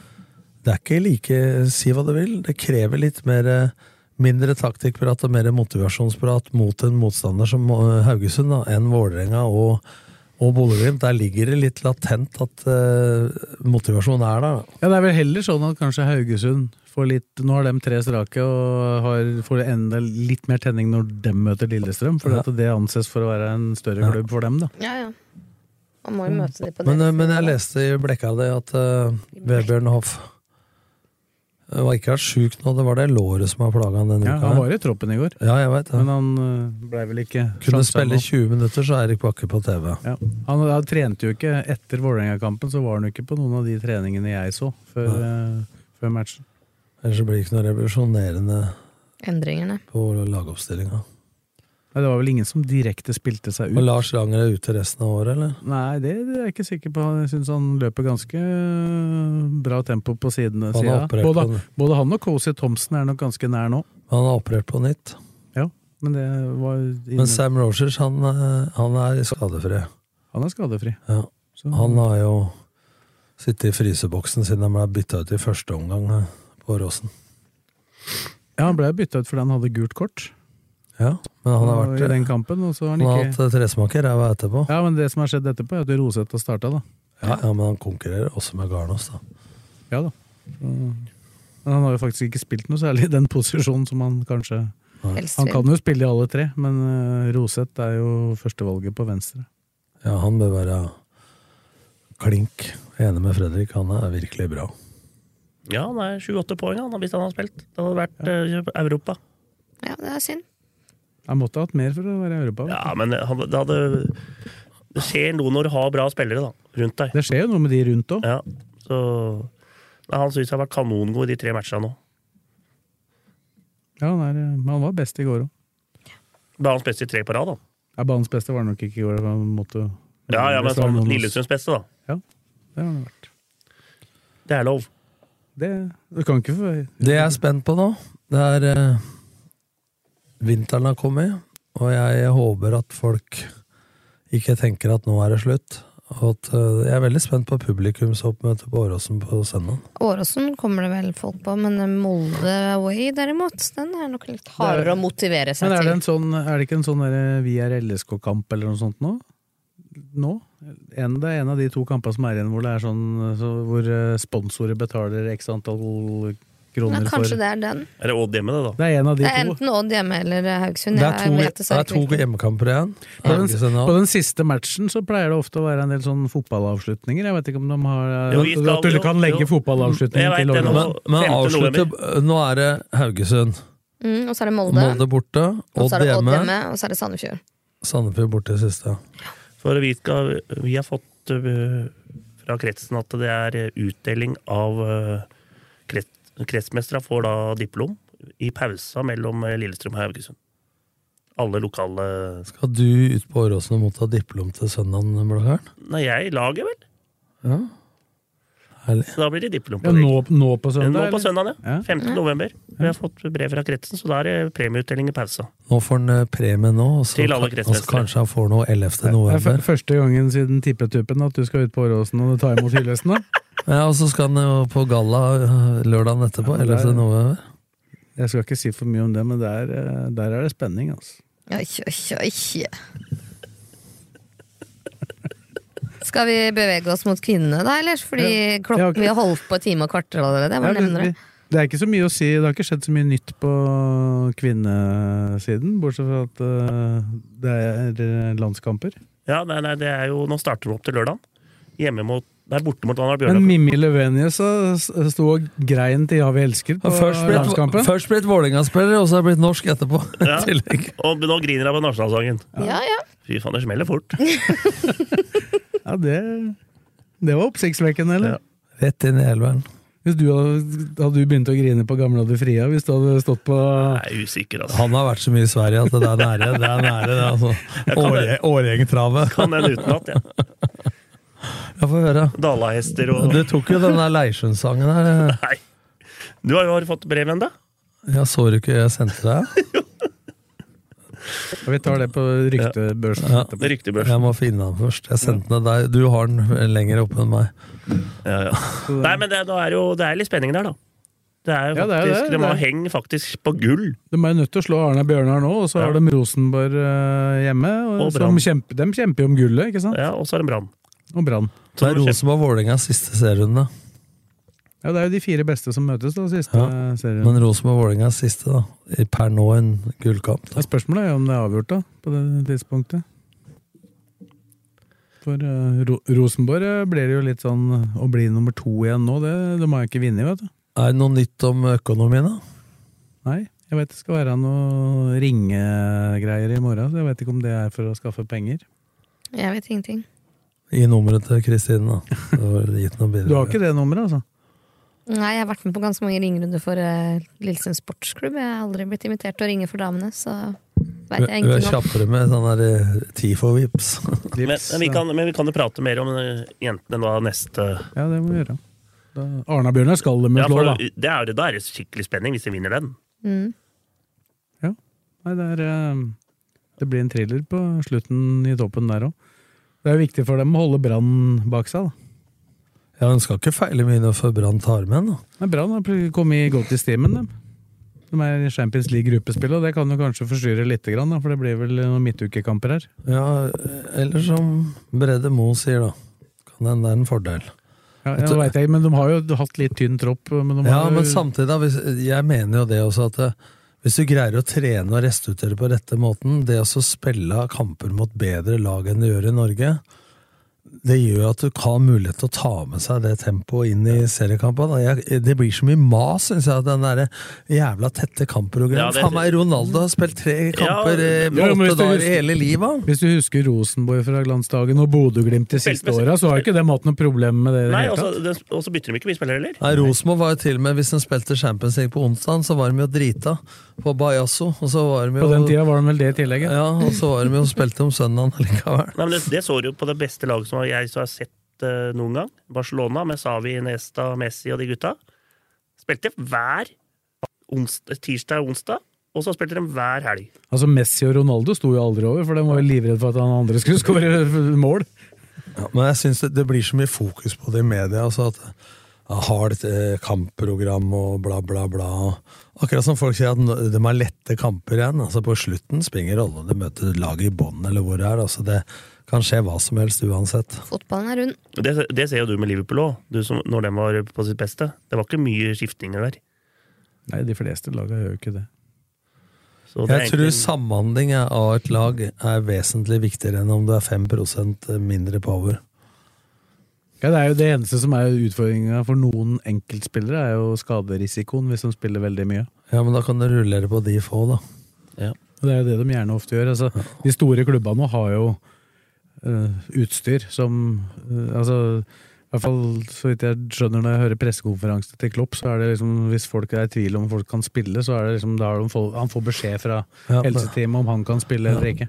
Og Brann har jo da, i takt med Champions League da, for damene, så har jo dem også skjerpa seg i serien.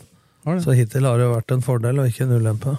De hadde en, uh... Det er ting vi har sagt mange nok ganger, så blir det en vedtatt sannhet. Det gjør jo det. Blir det. På godt og vondt. ADK Rør. Vi har spesialisert oss på energiløsninger og spesialombygging av containere.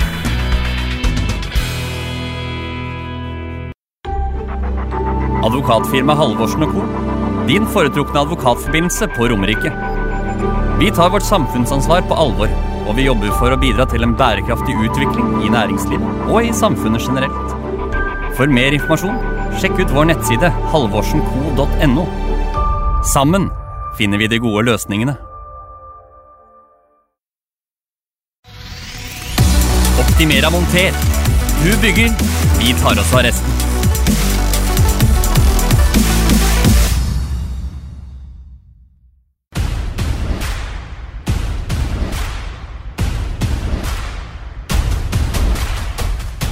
Da er vi klare med litt lokalfotball. Kommer etter hvert en eh, liste fra deg, Fredrik, men vi får starte med det sportslige. Det begynner jo å nærme seg slutten. Nå er det slutt også i tredjedivisjon, og det endte jo med 24 Nei, 25-0-1 for uh, Eidsvoll Turn. Målforskjell. 109 Jeg husker ikke baklengs. 109 er greit. 109 fremover, i hvert fall. Og det var jo det som avgjorde det, på mange måter. Helt, helt enormt. eh, Så er det jo, vi må jo si det er, det er litt synd på Hønefoss, da, Ja, som, er, som har er- 24-1-1 og og 73 poeng og ikke rykker opp. Og jeg er litt enig med Kjetil Rydje her, for jeg prata med Rydje, og jeg sa det nesten var en skandale at ikke Hønefoss rykka opp med det budsjettet og sånne ting. Men jeg må jo si meg litt enig med Rydje òg, og at det er jo ikke noe katastrofe eller skandale når du vinner 24 og spiller én matcher uavgjort. og spiller én uavgjort og taper én. Og så har du fått eh, bøtter av poeng. Også. Det er jo bare pga. at Eidsvoll Turn var bedre. Og jeg tror det er de to beste laga i tredjedivisjon. Ja, men jeg ser det en del andre avdelinger. Jeg ser Eik og Porsche har jo også hatt en durabelig duell. Ja, men det, er, det, det har vi snakka om før òg. Det er mye bra lag i toppen der. Så, men eh, Eidsvollturen, fantastisk sesong, og så mye unggutter som har levert noe jævlig. Og det, jeg har et par av de spillerne der på lista mi. Mm. Vi kan komme tilbake til den, altså, men det var eh, naturlig nok Det var jo ikke noe tvil om hvordan det skulle gå i helga der oppe, da. Det var jo grei skuring mot Volda. 109-26. Ja. Det var en per men det var, hvis, du, hvis du deler opp det, så tror jeg de slapp inn ganske stor andel av de måla i en periode midt i her. Ja, da, men da vant det 4-3 og så videre. Ja. Men det er, det er jo sterkt, da. Og det er jeg enig med deg, Fredrik, at eh, hva skulle Gunnar Hall og Hønefoss gjort så mye mer? 24 seire, 1 uavgjort og ett tap, 80-90 Ja, ja, altså, målforskjell, men vi rykker ikke opp. Du kan ikke være skuffa, liksom. Men, når det er noe som er bedre, så er de bedre. Det er, Men når du bare tar eh, Når du tar det Porsch-greiene, da, eh, og Eik, det er jo gamle Kjetil Kristoffersen, trente Ørn Horten og var i, i Obos, gamle Obos-ligaen litt. Jeg så intervju med han i Tønsberg Blad, og han gikk ut på LinkedIn også. Han har Drillo og Charles Reap, som, eh, og dem eh, spiller langt. Og vi er annerledeslaget, som man sier. Der er nye Kjelsås. Og dem har klinka, da. Der spiller jo han eh, Midtgarden, som har vært i Odd, og var han ikke innom LSK? Jo, han fikk null kamper. Ja, og han Bransrud har jo vært eh, høyt opp. Så, Ja, Bre- Brensrud? Ja. Ja, han har spilt for LSK Vålerenga. Og Strømmen. Ja. Ja. Sogndal. Ja. Så Markus Dalen Brensrud. Så, men de har en spillestil. Det var han gikk ut etter den cupkampen. De holdt på Ja. å slå i godset der og, og sa Ja, han er- Eliteserielaget, det- de var han ikke noe redd. Nei, de skulle til Europa, de skulle til Europa nå, sa han. Han er jo Han driver jo et Ja, han var litt- Ja, han var litt han er litt morsom, for han driver et forlag, og han var jo han som hadde han brannmann, han som brant seg og dro rundt hele Norge og pantsatte huset sitt. og Han er jo en driftig kar, Kjetil Kristoffersen, og en foredragsholder. og jeg og han trente jo hver vår klubber, og Sandefjord og han Ørn Horten og kniva som søren. Så var han jo 10-15 år ute av det, og så tok han ikke da, rett opp, og de klinker ballen. Han er helt klar på det, legger ikke noe skjul på det, om åssen de spiller. Det er ikke en kule gjennom Men er midten. ikke- Har ikke han overtatt det til Ronny Johnsen, eller? Han, Ja, han jeg, de, jeg tipper at han ikke spilte på den Nei, måten. nei, nei. Men de ligger bak da og klinker og kontrer som et helvete og, dø, og gode på dødball.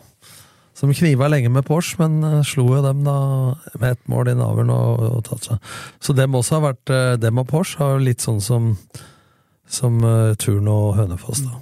Så har det, vært, det har vært ganske mange suverene- Det er, det mange som har tatt mye poeng av de som vinner. Ja, har Lysekloster- tatt mye poeng. Lysekloster òg.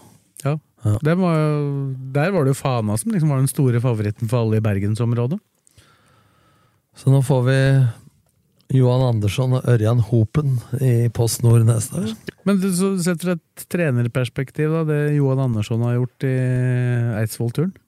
Det er eh, meget bra, og det så ut sånn i januar at det var så vidt de var folk. Så de har jo Kanskje det var Når alt kommer til alt, da, ikke så gærent å rykke ned, for vi snakka om det Fredrik i fjor, at de var for gode, egentlig. Det er tre trenerskifter og alt sånn, og spilte veldig naivt. Så har det vært et generasjonsskifte. Og det er mulig at det tvang seg fram litt da når de rykka ned, og at det var kanskje greit for de unggutta å få et år i trea før det blir Post Nord, hvis du ser det på sånn etterpåklokskapens stein. Så Ja, for det er jo noen spillere der som har utvikla seg voldsomt i løpet av den sesongen her. Ja, det er en haug av folk som satt på benken i fjor. Ut og inn, altså Stenseth, Notoane, Notabene, som du kaller den. Notoane. Det er to av de gutta som er veldig gode. Han ene har vi visst om, og så har han stopperen. som Men har vært stopperen var enormt bra til å bryte foran. Så ja, fortjent opprykk. Nå har vi hylla dem så mye, så nå Ja, får de vi- forberede seg for Men posten. hva, hva må de gjøre nå eh, for å ta det neste steget og ikke bli en eh, kasteball i divisjonen over? Tror du de er der allerede? Nei, men nå har jo turen alltid, så lenge jeg har fulgt med på lokalfotballen og opp til andredivisjon, vært gode på å finne spillere.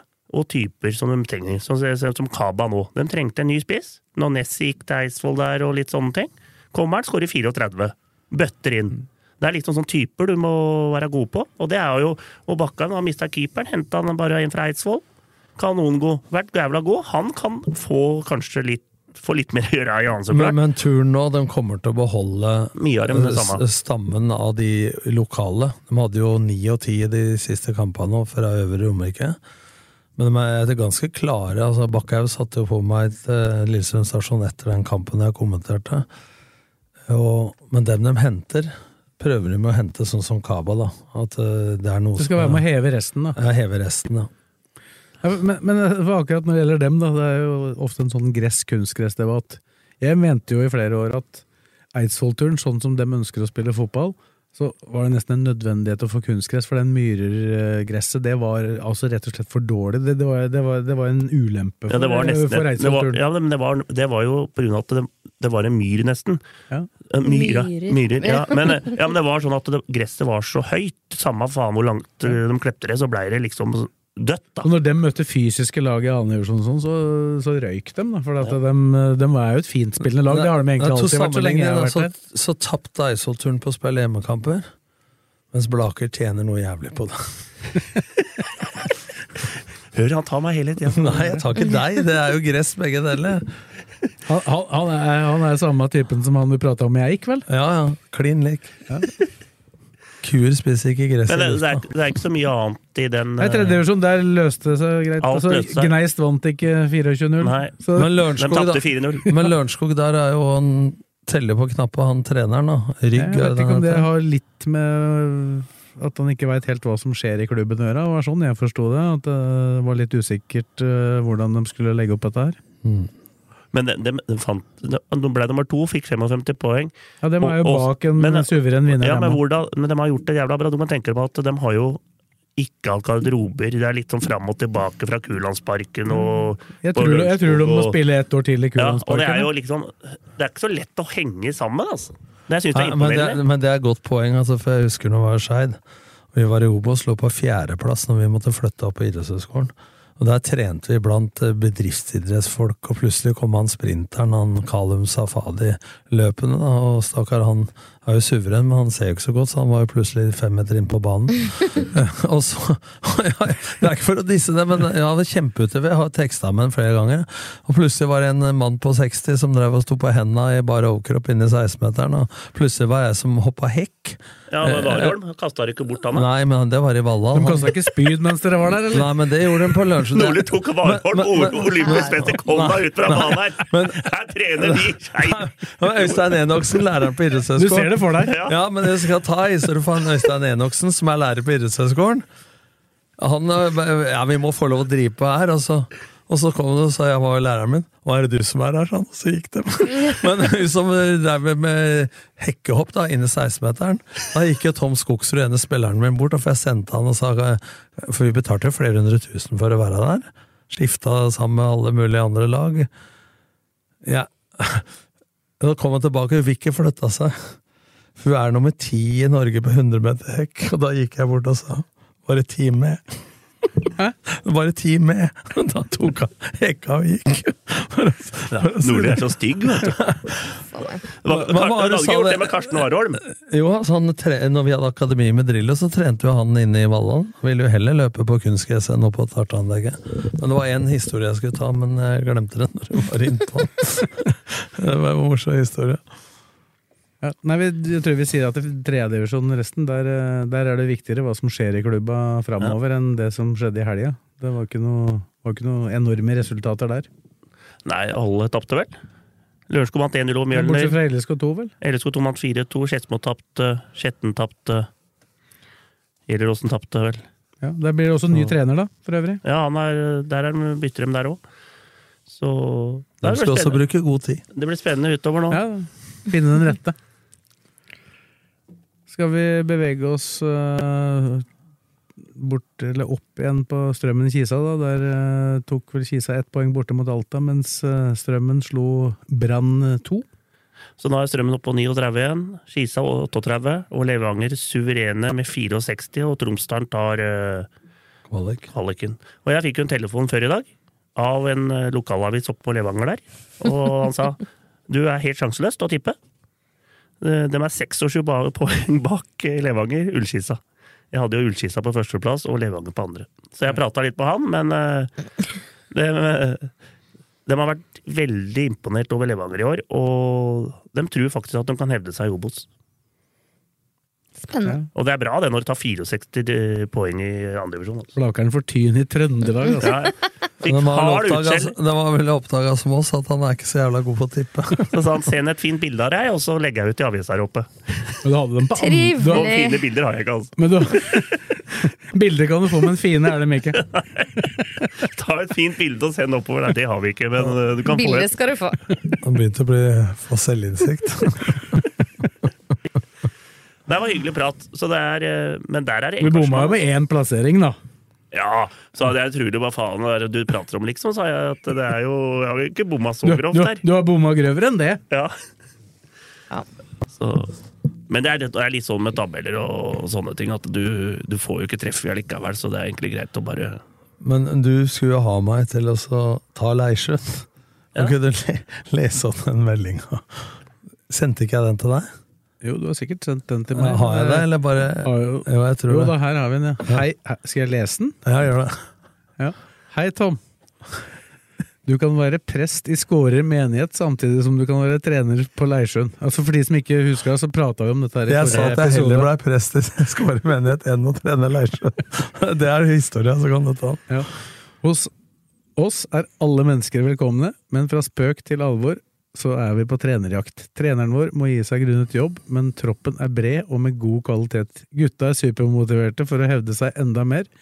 Vi trenger en som kan være jevnlig med oss to økter i uka, og som ikke er redd for å bytte ut spillere etter 25 minutter.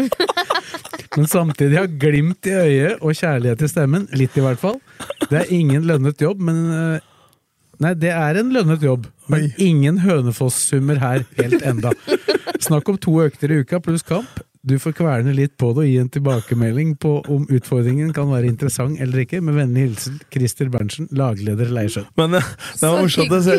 Vi er veldig motivert for å ta nye steg. To ganger i uka!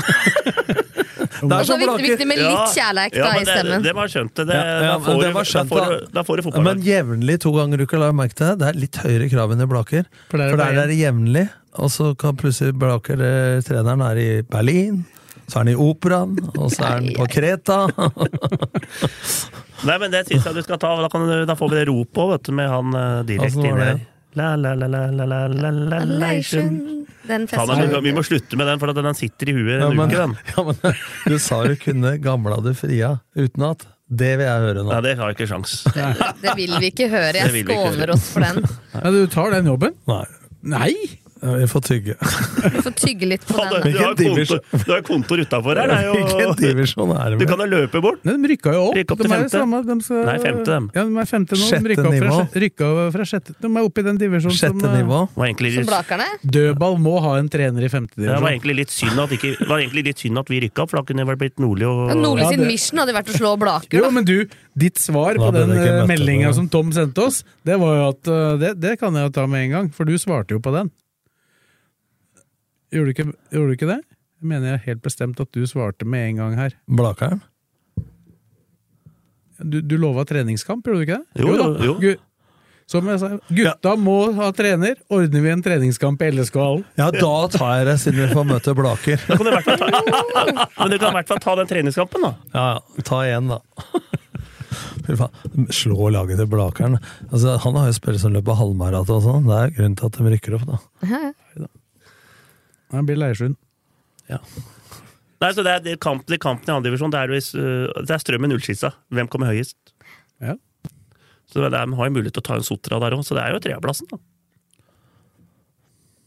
Sånn er det. Skal vi bevege oss til din liste? Ja, kan vi ta liste? Er det halv, halvtimen du har forberedt her? Nei, nei, men eh, det tar bare to-tre minutter. Men det er litt eh, Jeg syns de skal ha skryt, de spillere Du hører så mye om spillere, f.eks.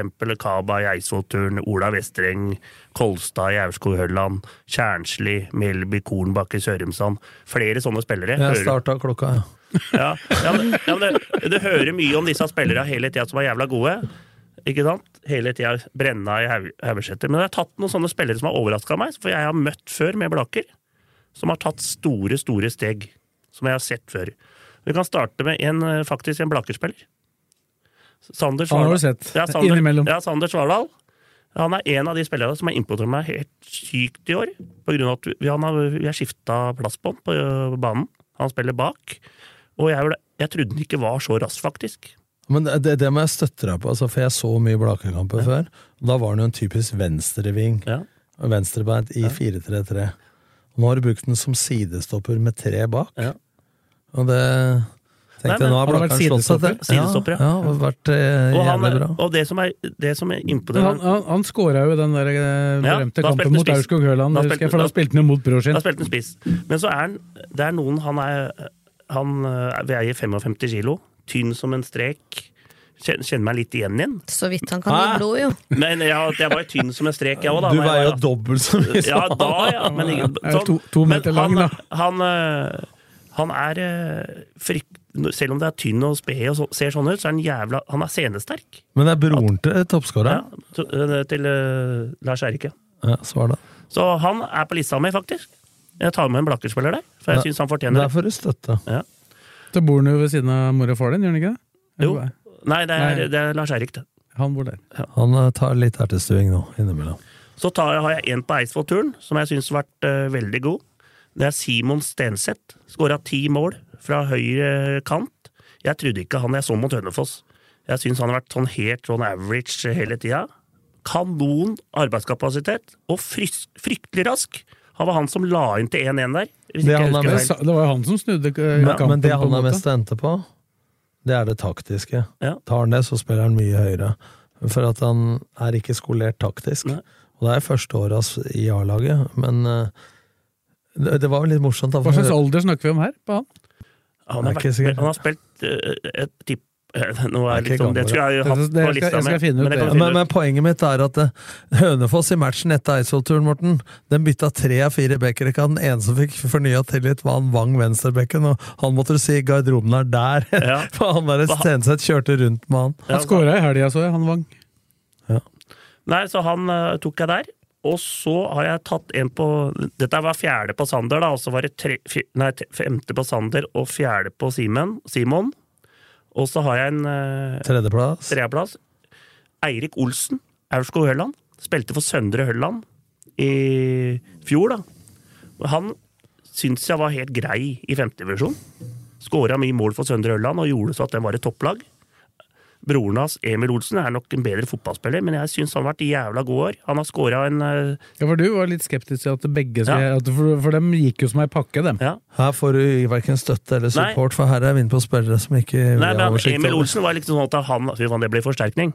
Alle ville han. Ja, alle ville han, men han som har imponert meg mest, og vært avgjørende for uh, Hølland i flere matcher, tar dødballer, og sk har skåra 13 mål, jævla mye assist, og har vært For Hølland? For Aurskog Hølland. Ja, for, nå, for nå kårer du ikke nødvendigvis de beste spillerne, nå kårer du jo de som har på en måte imponert, imponert. imponert. og vært kanongod i år. For, Kul- kul- kul for, for sine lag.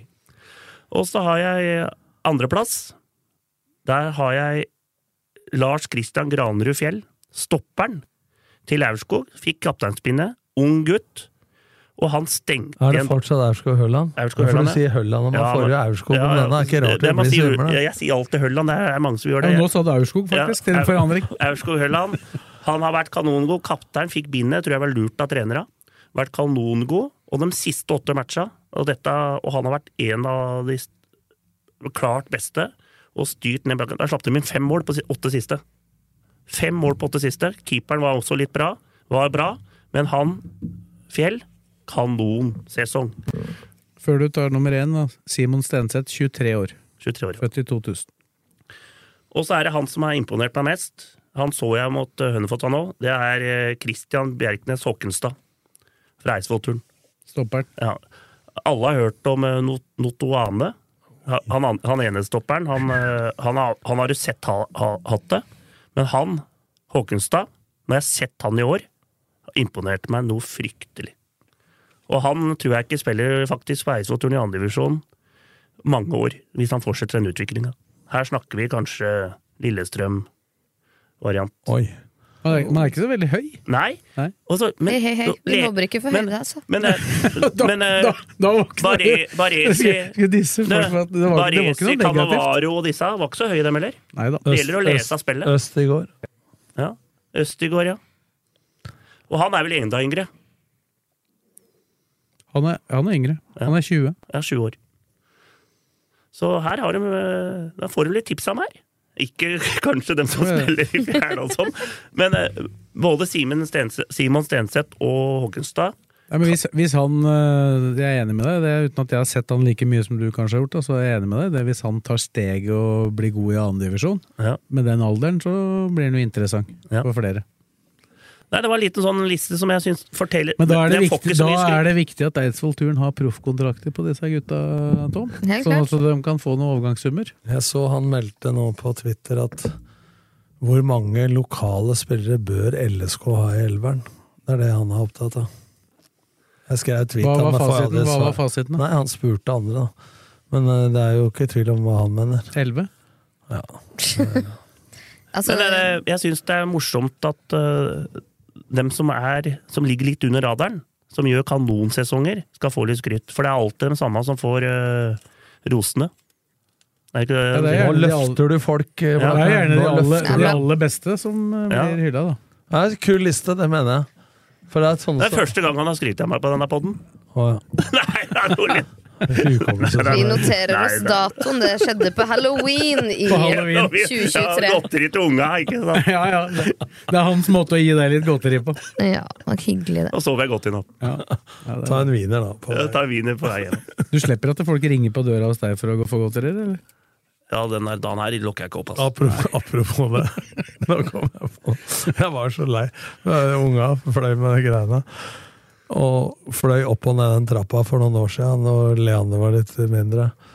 Og jeg ga godteri og godteri og godteri. Til slutt så ble jeg så lei, så hver gang jeg ringte på, så bare lokka opp vinduet i stua, så kasta jeg ut godteri. Oh, Og så ble jeg så lei til slutt at nå, med kompisene så, så gikk jeg i fjerde-femte klasse. Så gikk jeg ned trappa, så dro jeg opp døra, og så ropte jeg alt. jeg. Så jeg skremte vettet av det. Sier det har jo ikke vært noen som har ringt på! Nei, det, det, det, er jo Det er tips det det går jo i nabolaget, han gærne Tom Nordli. Han gær- gærningen, han gærningen oppi der. Altså Det vi andre mennesker gjør, er at vi skrur av lampa på utelyset. Ja, det er altså et tegn på at man ikke vil ha besøk. Ja, men sitter jeg hjemme og koser meg og ser på ting, og så er det ingen som ringer på lenger. Der er, der er en kjempefordel nå, for hjemme hos oss så ryker pærene etter øh, Nå har jeg til og med bytta, bytta lampe. Nå, nå må elektrikere På ja, på tide å sjekke kursen. Nei, har, nå må elektrikere på jobb her. Ja. Ja, men Det kan ikke være pærene der noen gang. Men svesingen er, vi overlater det til elektrikeren, for vi får strømmaskin til lyspære begge to. Så det, det har vi overlatt. Det er jo sånne leddpærer, og det skal jo ikke være mulig at det Nei, ryker det på noen dager. Det er garanti på dem, det veit Ja, jeg. ja. Mange år. Så vi, vi får ta det videre. Ja, nå skrur vi av pæra her, da. Nå er det ikke lenger før lyset slokker her heller. Så da sier vi takk til Tom, takk til Fredrik, takk til Kristine, og takk til deg som hørte på. Og så er vi tilbake i neste uke. Ukens annonsør er HelloFresh. HelloFresh er verdens ledende matkasseleverandør og kan være redningen i en travel hverdag. Mange av oss har nok vandret i butikken både sultne og uten en plan for middagen, som ender med at vi går for de samme kjedelige rettene gang på gang. Middag burde være dagens høydepunkt. Som HelloFresh kan du nå velge mellom 25 ulike retter hver eneste uke, eller få HelloFresh til å sette sammen menyen for deg. Dette gir deg muligheten til å prøve nye og spennende retter alene eller sammen med familien. Du velger antall porsjoner og får alt levert på døren på et tidspunkt som passer for deg. Oppskriftene er enkle, og maten er lett å lage både for store og for små. Ved å få alt levert hjem får du også mer tid til å dele matgleden med familie og venner. Kanskje det frister med asiatiske tacos eller greskinspirert kylling? Da kan jeg anbefale deg om å gå inn på hellofresh.no. Her kan du bruke koden FOTBALL og få opptil 1779 kroner i rabatt på de første fem matkastene hvis du ikke har prøvd HelloFresh tidligere. Du kan også bruke rabatten hvis du har vært kunde og stoppet abonnementet ditt for tolv måneder siden eller lengre. Gå inn på hellofresh.no og bruk koden FOTBALL. Har du et enkeltpersonforetak eller en liten bedrift? Da er du sikkert lei av å høre meg snakke om hvor enkelt det er med kvitteringer og bilag i fiken, så vi eh, gir oss her, vi. Fordi vi liker enkelt. Fiken superenkelt regnskap.